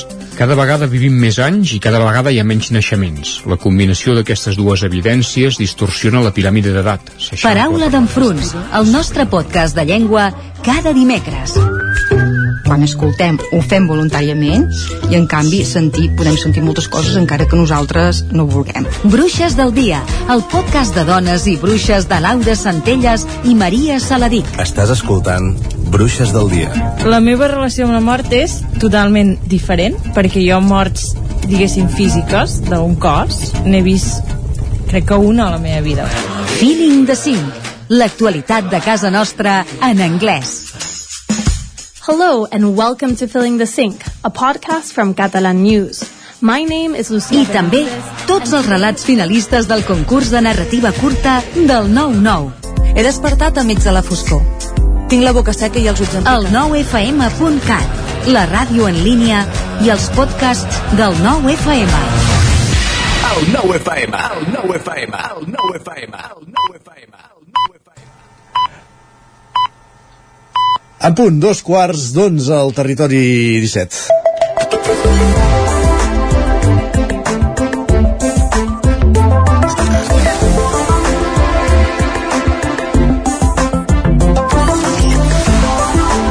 I a dos quarts d'onze al territori 17 cada matí ens hi acompanya en Guillem Sánchez. Estenem la catifa perquè entri sí. a l'estudi. Bona catifa, bona catifa. Eh que sí? El que m'hauries de convidar, Isaac, potser és amb algun mocador o, Oh. o així, perquè continuem una mica refredats. Doncs haver-ho demanat abans, però ara, ara a través del vidre màgia no ho puc fer, eh? És una mica complicat. Exacte. Crec que jo em sumo també al carro de la gent com la, la Maria, que em sembla que està una mica enfadada avui al matí, que diu sospito que la gent que tus al transport públic sense tapar-se la boca és la mateixa que demanava un confinament més dur o insultava des del seu balcó a la gent que passejava pel carrer durant el, durant el confinament. I no porten mascareta? Diria que no. Ah, Diria carai. que no. Coses delicades, delicades. Va, com canvien els Ara, temps... ara som, som molt més sensibles, eh? Amb, amb, amb els estossecs. O no, eh? Si més no, sí que la gent et mira pitjor, eh? Per això mateix ho dic, sí, quan, sí, per això mateix ho dic. Sí, sí. Va, els temps canvien o no, la Marta per això ens confessa el següent avui al matí, ens diu acabo de trobar una nòmina del 2006 i guanyava 1.100 euros. El mateix que cobra molta gent avui. Què ens ha passat? I, I no ens diu què cobra ell ara. No, Ah, això tampoc, eh? Entesos. També seria interessant saber-ho. Uh, va, mm, Isaac, la gent està nerviosa. Sí. Per xarxes, però Ja, molt nerviosa. Ja m'explica'ns. En Marc ens escriu m'ha arribat ja la disfressa de carnestoltes. Carai, tu. Olor de carnaval, ja. Queda molt, no, encara, no, per no, no, això. és aquí mateix, eh? És la... Quina alegria, Sí, quina sí, alegria. això ja s'acosta. La, Mar, la Marta ens ja puntua- devem anar per caus de bruixes a Centelles, eh? Vull dir que Sí, la, la setmana que ve. Ho veus? Setmana que ve ja. Sí, sí. Cau de bruixes, carnaval de Centelles i carnaval. Carnaval I, i carna... No, carnaval. Sí, carnaval normal, no? Exacte, carnaval. La Marta ens puntualitza i ens diu ara mateix hi ha una persona buscant a Google dis, disfraz original esperant trobar una disfressa original per I carnestoltes. li apareixerà un típic pijama d'animal. no? una d'aquestes sí que són d'una sola peça que a més de saber també quina gràcia fa portar-lo. L'originalitat deu ser en aquest aspecte... No, en aquest aspecte deu ser mm, l'animal que tries. I. Va, i atenció a aquesta confessió que ens fan. Ens diuen, ni cotitza que portarem la millor disfressa de tot Torelló. Això Com, ho diuen ja. Què diuen, què diuen? Ni cotitza, per tant, jo entenc que ja és una afirmació d'aquelles de dir la nostra colla o jo seré qui El portarà millor. la millor disfressa del Carnaval de Torelló. Doncs va. No ens diu tampoc eh, si està en alguna colla o de què aniran disfressats, Va. però ja, ja ho tenen assumit. Molt bé. I poder arribar al nivell que ens escriu en Víctor seria top, eh, Isaac? Escolta. Què diuen, ti, Víctor? Ens escriu, papa, per carnestoltes vull disfressar-me de pingüí i que la disfressa tingui al davant unes rodes per tombar-me i poder lliscar com fan els pingüins pel gel i un bando amb un botó vermell per activar la mandíbula i per girar que tingui uns cables d'electricitat El nano apunta enginyer, eh? home, uh, jo si hi ha algú que és capaç de fer aquesta disfressa també que vingui aquí, que ens l'ensenyi perquè tindria, tindria tela El nano apunta enginyer, ja. va, ja veurem quin és l'ambient per això per Carnaval, però canviem de tema perquè la Nerea té una preocupació aquests dies. Isaac ens escriu tantíssim temari de teòrica de cotxe perquè després tothom condueixi com li surt dol i acaba la frase com, com, com Jo, vulguis. jo tinc la sensació que eh, posar intermitents és una cosa que no ensenya. Sí, un dia, un dia farem un debat. Jo si em dones 5 minuts per fer una secció del tema dels intermitents, Quan ja vulguis, la ja farem. la podem fer avui, si la farem sí, sí, quan sí, sí. sigui. En Jordi, en canvi, té altres coses al cap, com la que ens escriu avui. Ens diu, jo amb el que flipo és que quan sóc al supermercat veig eh, iaies i avis que sembla que tinguin artrosi o van amb bastó i quan la caixera obre una altra caixa i diu passeu per aquí, es tornen velociraptors. Veus? Home, per al que interessa ens S'ha diuen s'ha tots. d'estar al lloro, s'ha de tenir les antenes posades sempre. Evidentment. I tant de bon passés a mi això que li passa a aquest usuari de Twitter. Ens diu, quan no estic massa bé, cuino. Fins Molt aquí normal, no? No ma malament, perquè hauria de cuinar més sovint. I, Confiem. I ens diu, i en els últims 4 dies porto, atenció, un ramen, 100 nigiris de tonyina. 100? 40 croquetes. Això vol dir que està molt malament, eh? Perquè cuina Una molt. pizza massa inclosa, un estofat amb ceps, uns nyoquis al roquefort i una coliflor al curri. Ens confirmes, a més, que no és cuiner professional. No, no, correcte, correcte, és un usuari ras, diguem-ho així. Mm, Que ens digui no, també... No, xapó, eh? Si, sap... que ens digui on viu que li passarem a buscar Exacte. un tàper o Sí, sí, correcte. alguna, alguna cosa així. Va, i acabarem amb una piulada de la Teresa que m'ha fet especial gràcia. Ens diu fer servir temes com ex-lege, precedent, inelegibilitat sobrevinguda quan en essència és donar per bo que la GEC sigui el xèrif. Passa com l'humus o la parmentier, que a casa en diguem cigrons xafats o puré i llavors no queda tan bé. Carai. Visca el llenguatge, visca les coses sí, fàcils. També és de màster, eh? La interpretació d'aquest piulada. i visca l'humus i, i la parmentia, de patata o del que, o del que sigui. xafades. Això recordo sempre en Jordi Molet que deia com pot ser que una cosa tan bàsica com les patates xafades li hagin posat el nom de trinxat i tingui aquest èxit. Uh, en fi. Dona, dona per un altre debat, això també, Isaac. Exacte. Va. Gràcies, Sánchez. Vagi molt bé. Cuida't, eh? Aquesta, intentarem, aquest intentarem. Va, adiós. Vinga, adéu.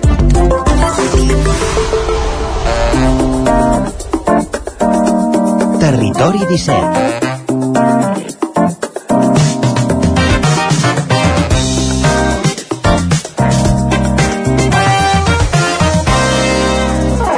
5 minuts i mig que passen de dos quarts d'onze del matí al territori 17 els dijous aquesta hora és moment d'anar al cinema. Ens hi porten en Joan Garcia i en Gerard Fosses des de la veu de Sant Joan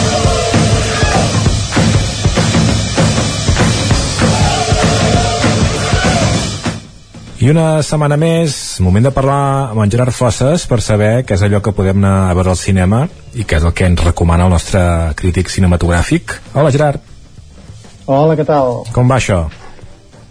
Doncs molt bé, i a més, amb moltes ganes de les estrenes d'aquesta setmana.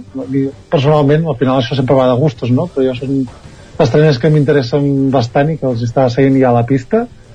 I si vols ja comencem per la primera, que és una pel·lícula d'aquestes que suposo que heu sentit o sentireu anomenar si heu seguit una mica temporada de premis, perquè la pel·lícula voltava per allà, tot que al final no ha guanyat res, però això no treu que, que sigui una gran pel·lícula d'un director interessantíssim. Mm -hmm. uh, es titula La zona de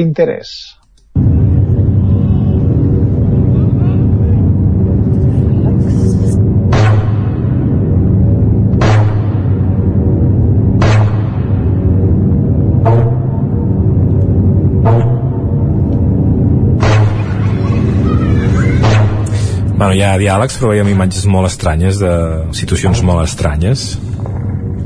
Sí, aquesta pel·lícula és, és segurament un, bueno, o, o segurament no, segur, el, un del film més rellevant que s'ha fet sobre el nazisme des de, des de la llista de Schindler, que no, no és poca cosa, i, i és un film que adapta un, una novel·la de Martin Amis que bàsicament explica la, la vida d'una família nazi de Rudolf Hoss i, i la seva esposa Hedwig que, que tenen una casa um, així de somni, amb jardí meravellosa, gran, acollidora, uh, just al costat del campament de- d'Auschwitz, que, mm. que era on el, el marit treballava. Mm -hmm. I, I el que fa la pel·lícula doncs, és situar-nos en aquesta casa de somni que està al costat de, de l'infern, no?, bàsicament.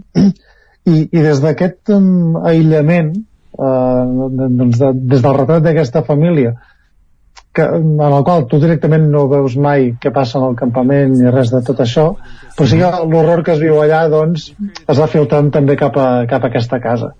I és un retrat sobre la banalitat del mal, no? aquesta idea sempre de estic complint ordres i jo faig el que em diuen i no soc culpable, uh, doncs uh, treballa sobre aquesta idea de la banalitat del mal i del fet de mostrar l'horror des d'una perspectiva completament pacífica, però això no fa que, que no sigui inquietant, i de fet és una pel·lícula mm, que molt atmosfèrica, molt carregosa, molt tensa també, però, però sense que passin grans coses, sinó perquè és una pel·lícula això, doncs molt de d'estil, bàsicament. I Jonathan Glazer és un grandíssim director que feia 10 anys que no està en la pel·lícula, Mm -hmm.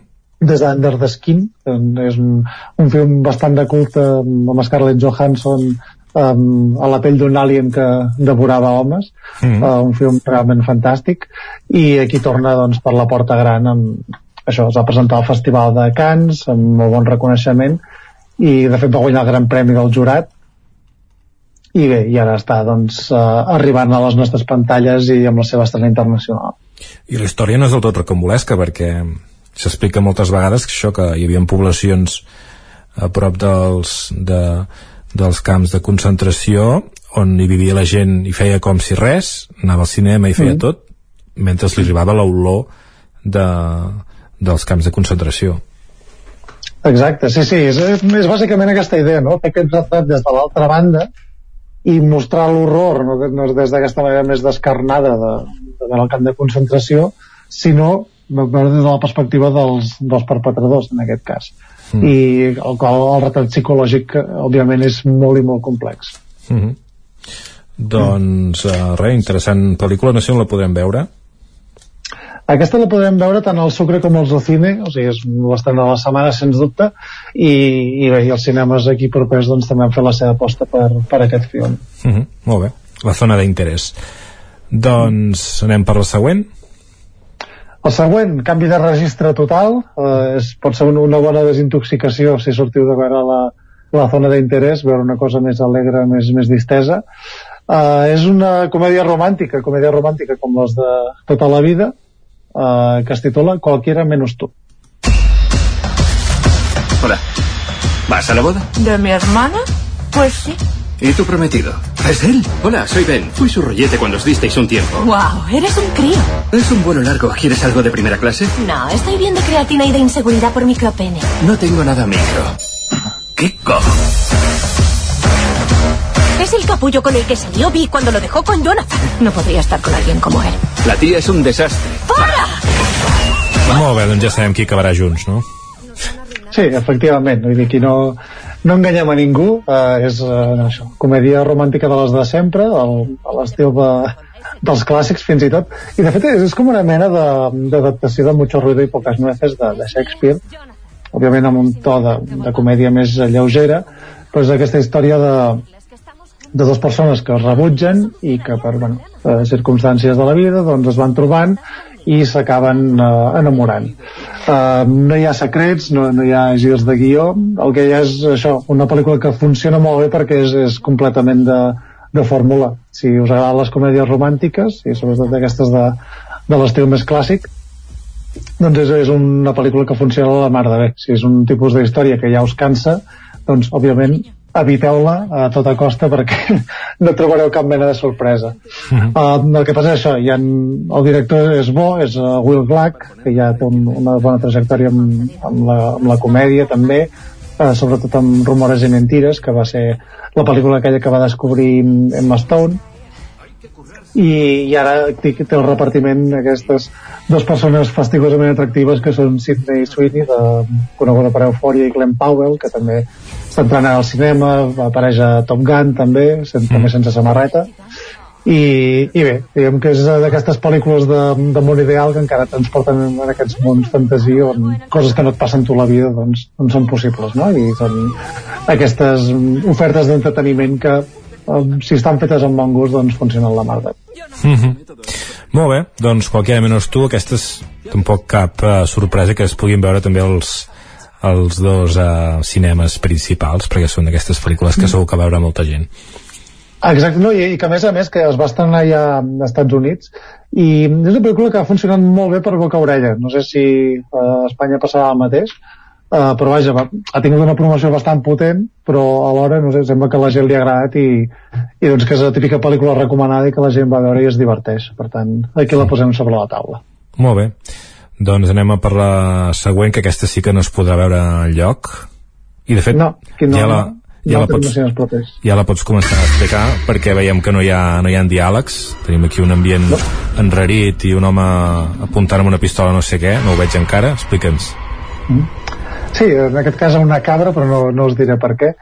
Uh, perquè la pel·lícula que s'estrena i que volem comentar és la, la guanyadora d'aquest any del, del Festival de Sitges, uh, que, bueno, um, encara no és la típica que s'estrena un any més tard, quan només ha tardat uns mesos, mm -hmm. però sí que és curiós que no tingui una distribució una mica més àmplia, i és aquest film que es titula Cuando acecha la maldad, de, de l'argentí Damián Rugna, un d'aquests noms del terror que val la pena seguir, i és una pel·lícula d'horror d'aquestes mm, fantàstiques que que, que et va dibuixant la trama a poc a poc, et crea un univers des de zero eh, que recorda molt diguem, el món de la pandèmia, però en aquest cas amb, amb possessions demoníaques Mm -hmm. i a més a més és un, un film que no escatima amb la violència eh, que t'agafa per sorpresa, que és descarnada, és dura i diguem que entronca molt bé doncs, amb, amb la psicologia dels personatges i amb les coses que vol transmetre. És un, mm. en definitiva una pel·lícula de terror molt sòlida, molt recomanable a qualsevol fan del gènere i, i d'aquelles que, que t'agafa per sorpresa que no estaven habitualment. Uh, per tant, això és una llàstima que els cinemes propers no, no hagin apostat per ella, perquè crec que és un film que tindrà un bon recorregut, com a mínim posteriorment a plataformes, i bé, uh, per tant no podem deixar de, de recomanar-lo. Mm. Uh, no és espanyol, em sembla que és argentina, no, la pel·lícula, però sí que em Sí, sembla curiós que, que cada vegada hi ha més propostes en castellà de, de cinema de terror, que això potser fa Mm. 10 anys no era, no era, o no ens arribaven o, o no n'hi havien. No, bueno, de, de fet, Espanya en general sempre ha tingut com una, eh, una tendència al cinema de gènere i al cinema fantàstic i de terror, el que passa que són a vegades pel·lícules més camuflades o que s'han quedat més enrere, i des de fa uns 5-10 anys sí que s'ha començat a importar més eh, aquest cinema iberoamericà en general, però també, òbviament, no, també el cinema de gènere. De fet, Sitges va fer una aposta molt, molt forta ja fa una dècada més o menys um, per la secció Blood Window, que justament és la pel·lícules de terror doncs, fetes a, a nivell de, de Centroamèrica i Sud-amèrica, de les quals arriben propostes molt interessants i, i pel·lícules que, que cada cop doncs, són, doncs, són això, més prolífiques i, i bé, que també és una bona notícia que no arribin només a plataformes sinó que s'estrenin en cinemes. Mm -hmm. Perfecte. Doncs eh, a veure si, si es pot veure aviat en algun lloc, perquè sí que sembla interessant. Mm.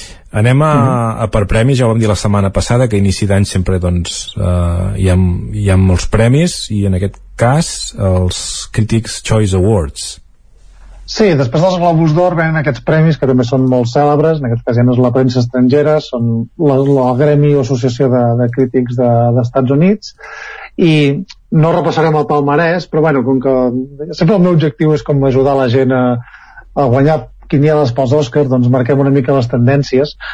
Uh, recordem que en els Globus d'Or ja es va com imposar més Oppenheimer sobre Barbie, sobre Scorsese i sobre altres propostes, i en aquest cas ha passat el mateix. Oppenheimer ha guanyat com a millor pel·lícula i direcció, i les interpretacions, en aquest cas se les han emportat Emma Stone, que va guanyar un Globus d'Or, Robert Downey Jr., que també va guanyar Globus d'Or, Davin Joy Randolph, eh, per um, Los que se queden, eh, pel·lícula que també va guanyar el Globus d'Or, i també Paul Giamatti, que, que va guanyar Globus d'Or com a millor actor de comèdia, i en aquest cas ha sobrepassat a Cillian Murphy, um, el protagonista d'Oppenheimer, que segurament era el favorit, i diguem que el posicionen molt bé també cap a la, la carrera cap a l'Oscar um, Los que se queden és una pel·lícula que vam comentar per, com una estrena recomanada per Nadal a més és pel·lícula nadalenca.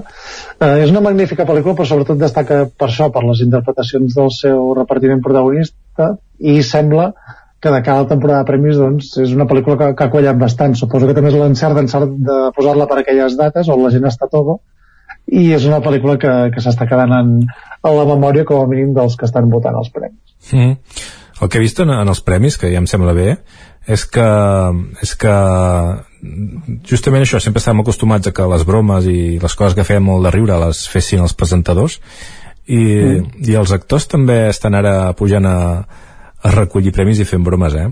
Uh, Sí, que, que cada cop entren més en, en aquest joc i, i de fet ho fa més divertit perquè cada cop de fet la figura del presentador té com menys protagonisme i, i bé, i és, és, bueno, és divertit que els actors doncs, siguin els que es presten a fer aquests gags i són els que bueno, es posen a, a bueno, són els que donen la salsa no? per exemple hi havia un, una escena molt divertida de, de Ryan Gosling perquè li van donar el premi a la millor cançó per, per l'Aim Just Ken de, de Barbie uh, quan hi havia un, una altra cançó de la mateixa pel·lícula que cantada per, em sembla que era per la Rihanna mm -hmm. o no, per la Billie Eilish, perdó que ell va fer una cara allà de com, com és possible que això hagi passat no? I, i com s'ha convertit ja en un meme instantani vull dir que hi ha coses que sempre són divertides i que més es poden recuperar fàcilment per xarxes o sigui que és, és una cosa curiosa de seguir mm, i també vaig veure un com un diàleg entre en Kieran Culkin germà mm. de Macaulay Culkin i, sí.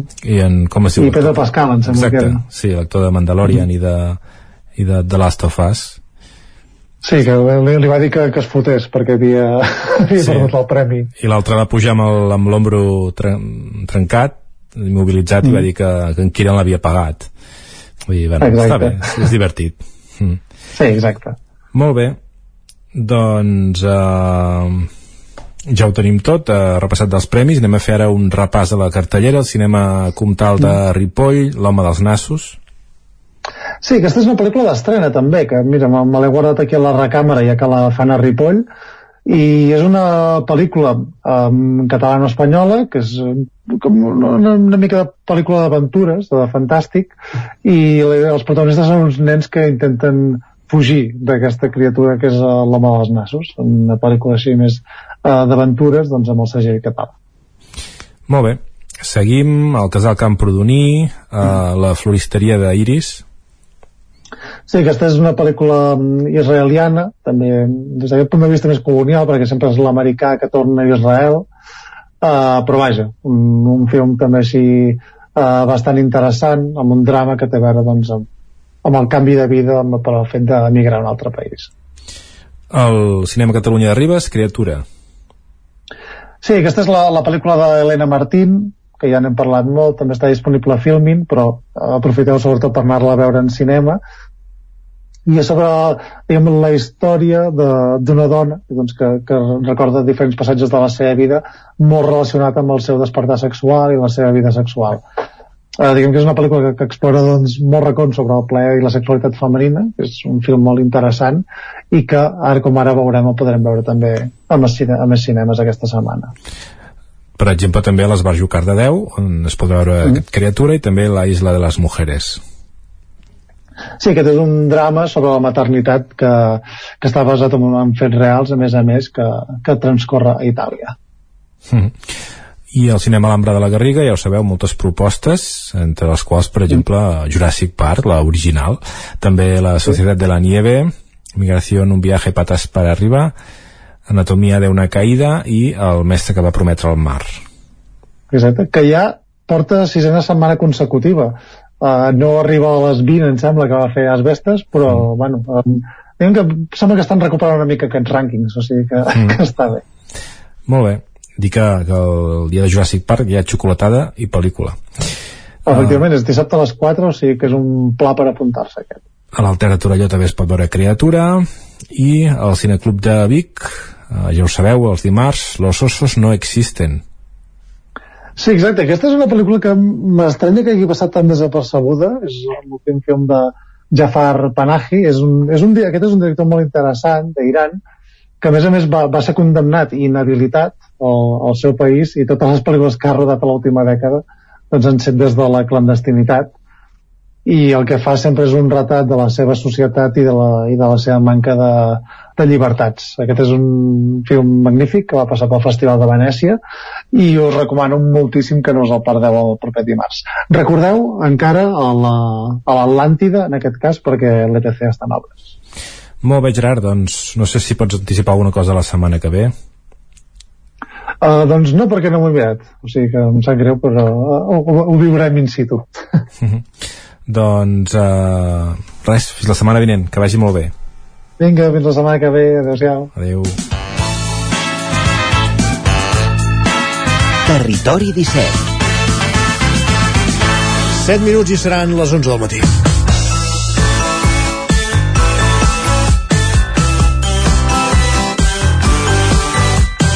I repassat al cinema, acabem el programa recomanant sèries. Isaac Muntades, benvingut de nou. Hola Isaac, Què tal? bon dia de nou. Avui ens, Bé, bé. port, ens, ens portes el títol d'una sèrie que ben bé podria ser una d'aquelles paraules que ens porten Jordi Soler cada 15 dies a l'Alegria Interior. Yu Yu Yakusho. Hakusho, quasi, Hakusho, gairebé. gairebé, gairebé. Sí, sí, sí, sí, sí. És, és japonesa, eh, Ah, molt evidentment, bé, la, doncs. la sèrie, sí, sí. Uh, aviam, per què ens situem? Aquesta sèrie, aquest nom, segurament hi ha molta gent de la meva edat, fins i tot de la teva, Isaac, jo crec que poder més de la teva, eh, també, perquè és una sèrie que, que ja és, té uns quants anyets, eh? La, la primera. O sigui, aquesta és una sèrie adaptada sí? d'acció real d'un anime. Uh, que, que jo diria que deu ser dels anys 80-90 no, no, recordo, no recordo exactament. Llavors, uh, bueno, és una sèrie que tenia més de, de 100 capítols i aquí l'han adaptat però amb actors uh, de carn i ossos per d'alguna manera. Com, com s'ha fet ara doncs, recentment amb, amb One Piece. Uh, això és a Netflix. Sí. té una temporada i són cinc capítols, cinc capítols que oscil·len entre els tres quarts d'hora i, i l'hora pràcticament, d'acord?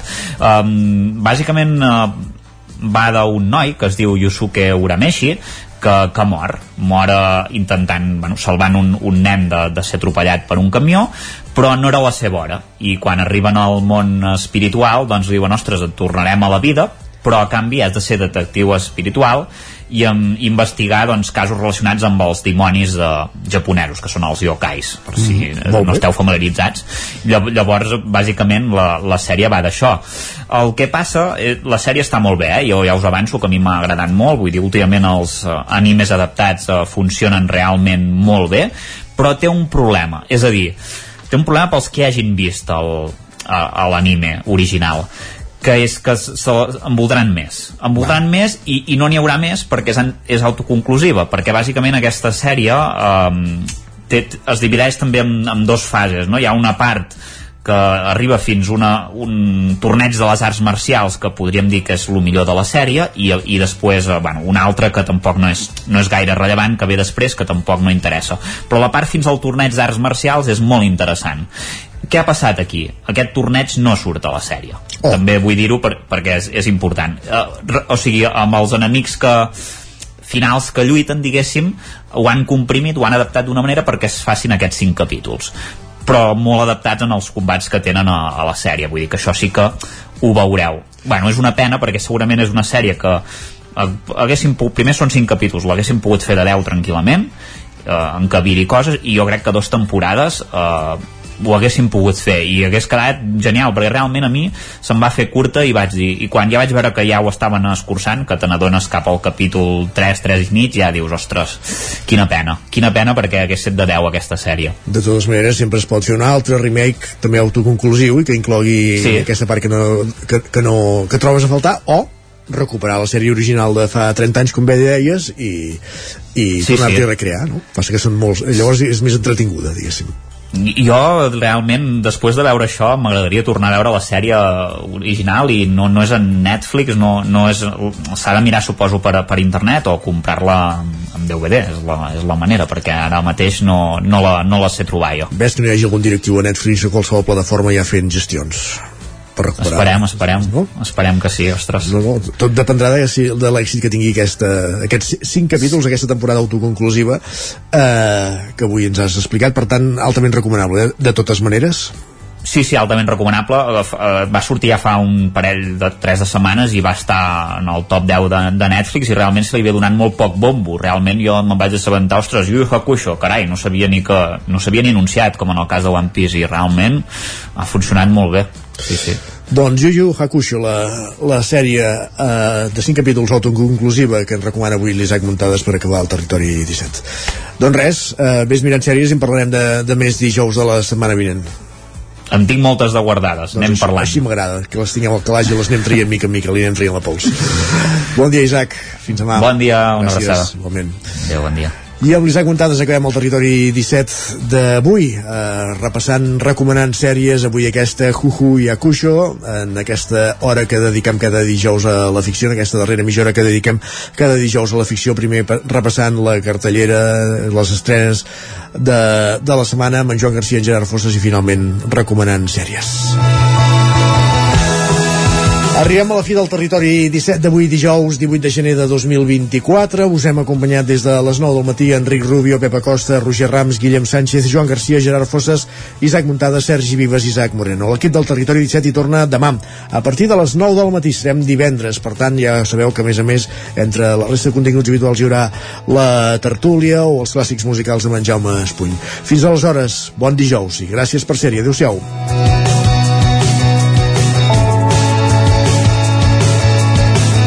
Territori 17, un magazín del nou FM, Ona Codinenca, Ràdio Cardedeu, Ràdio Vic i La Veu de Sant Joan, amb el suport de la xarxa.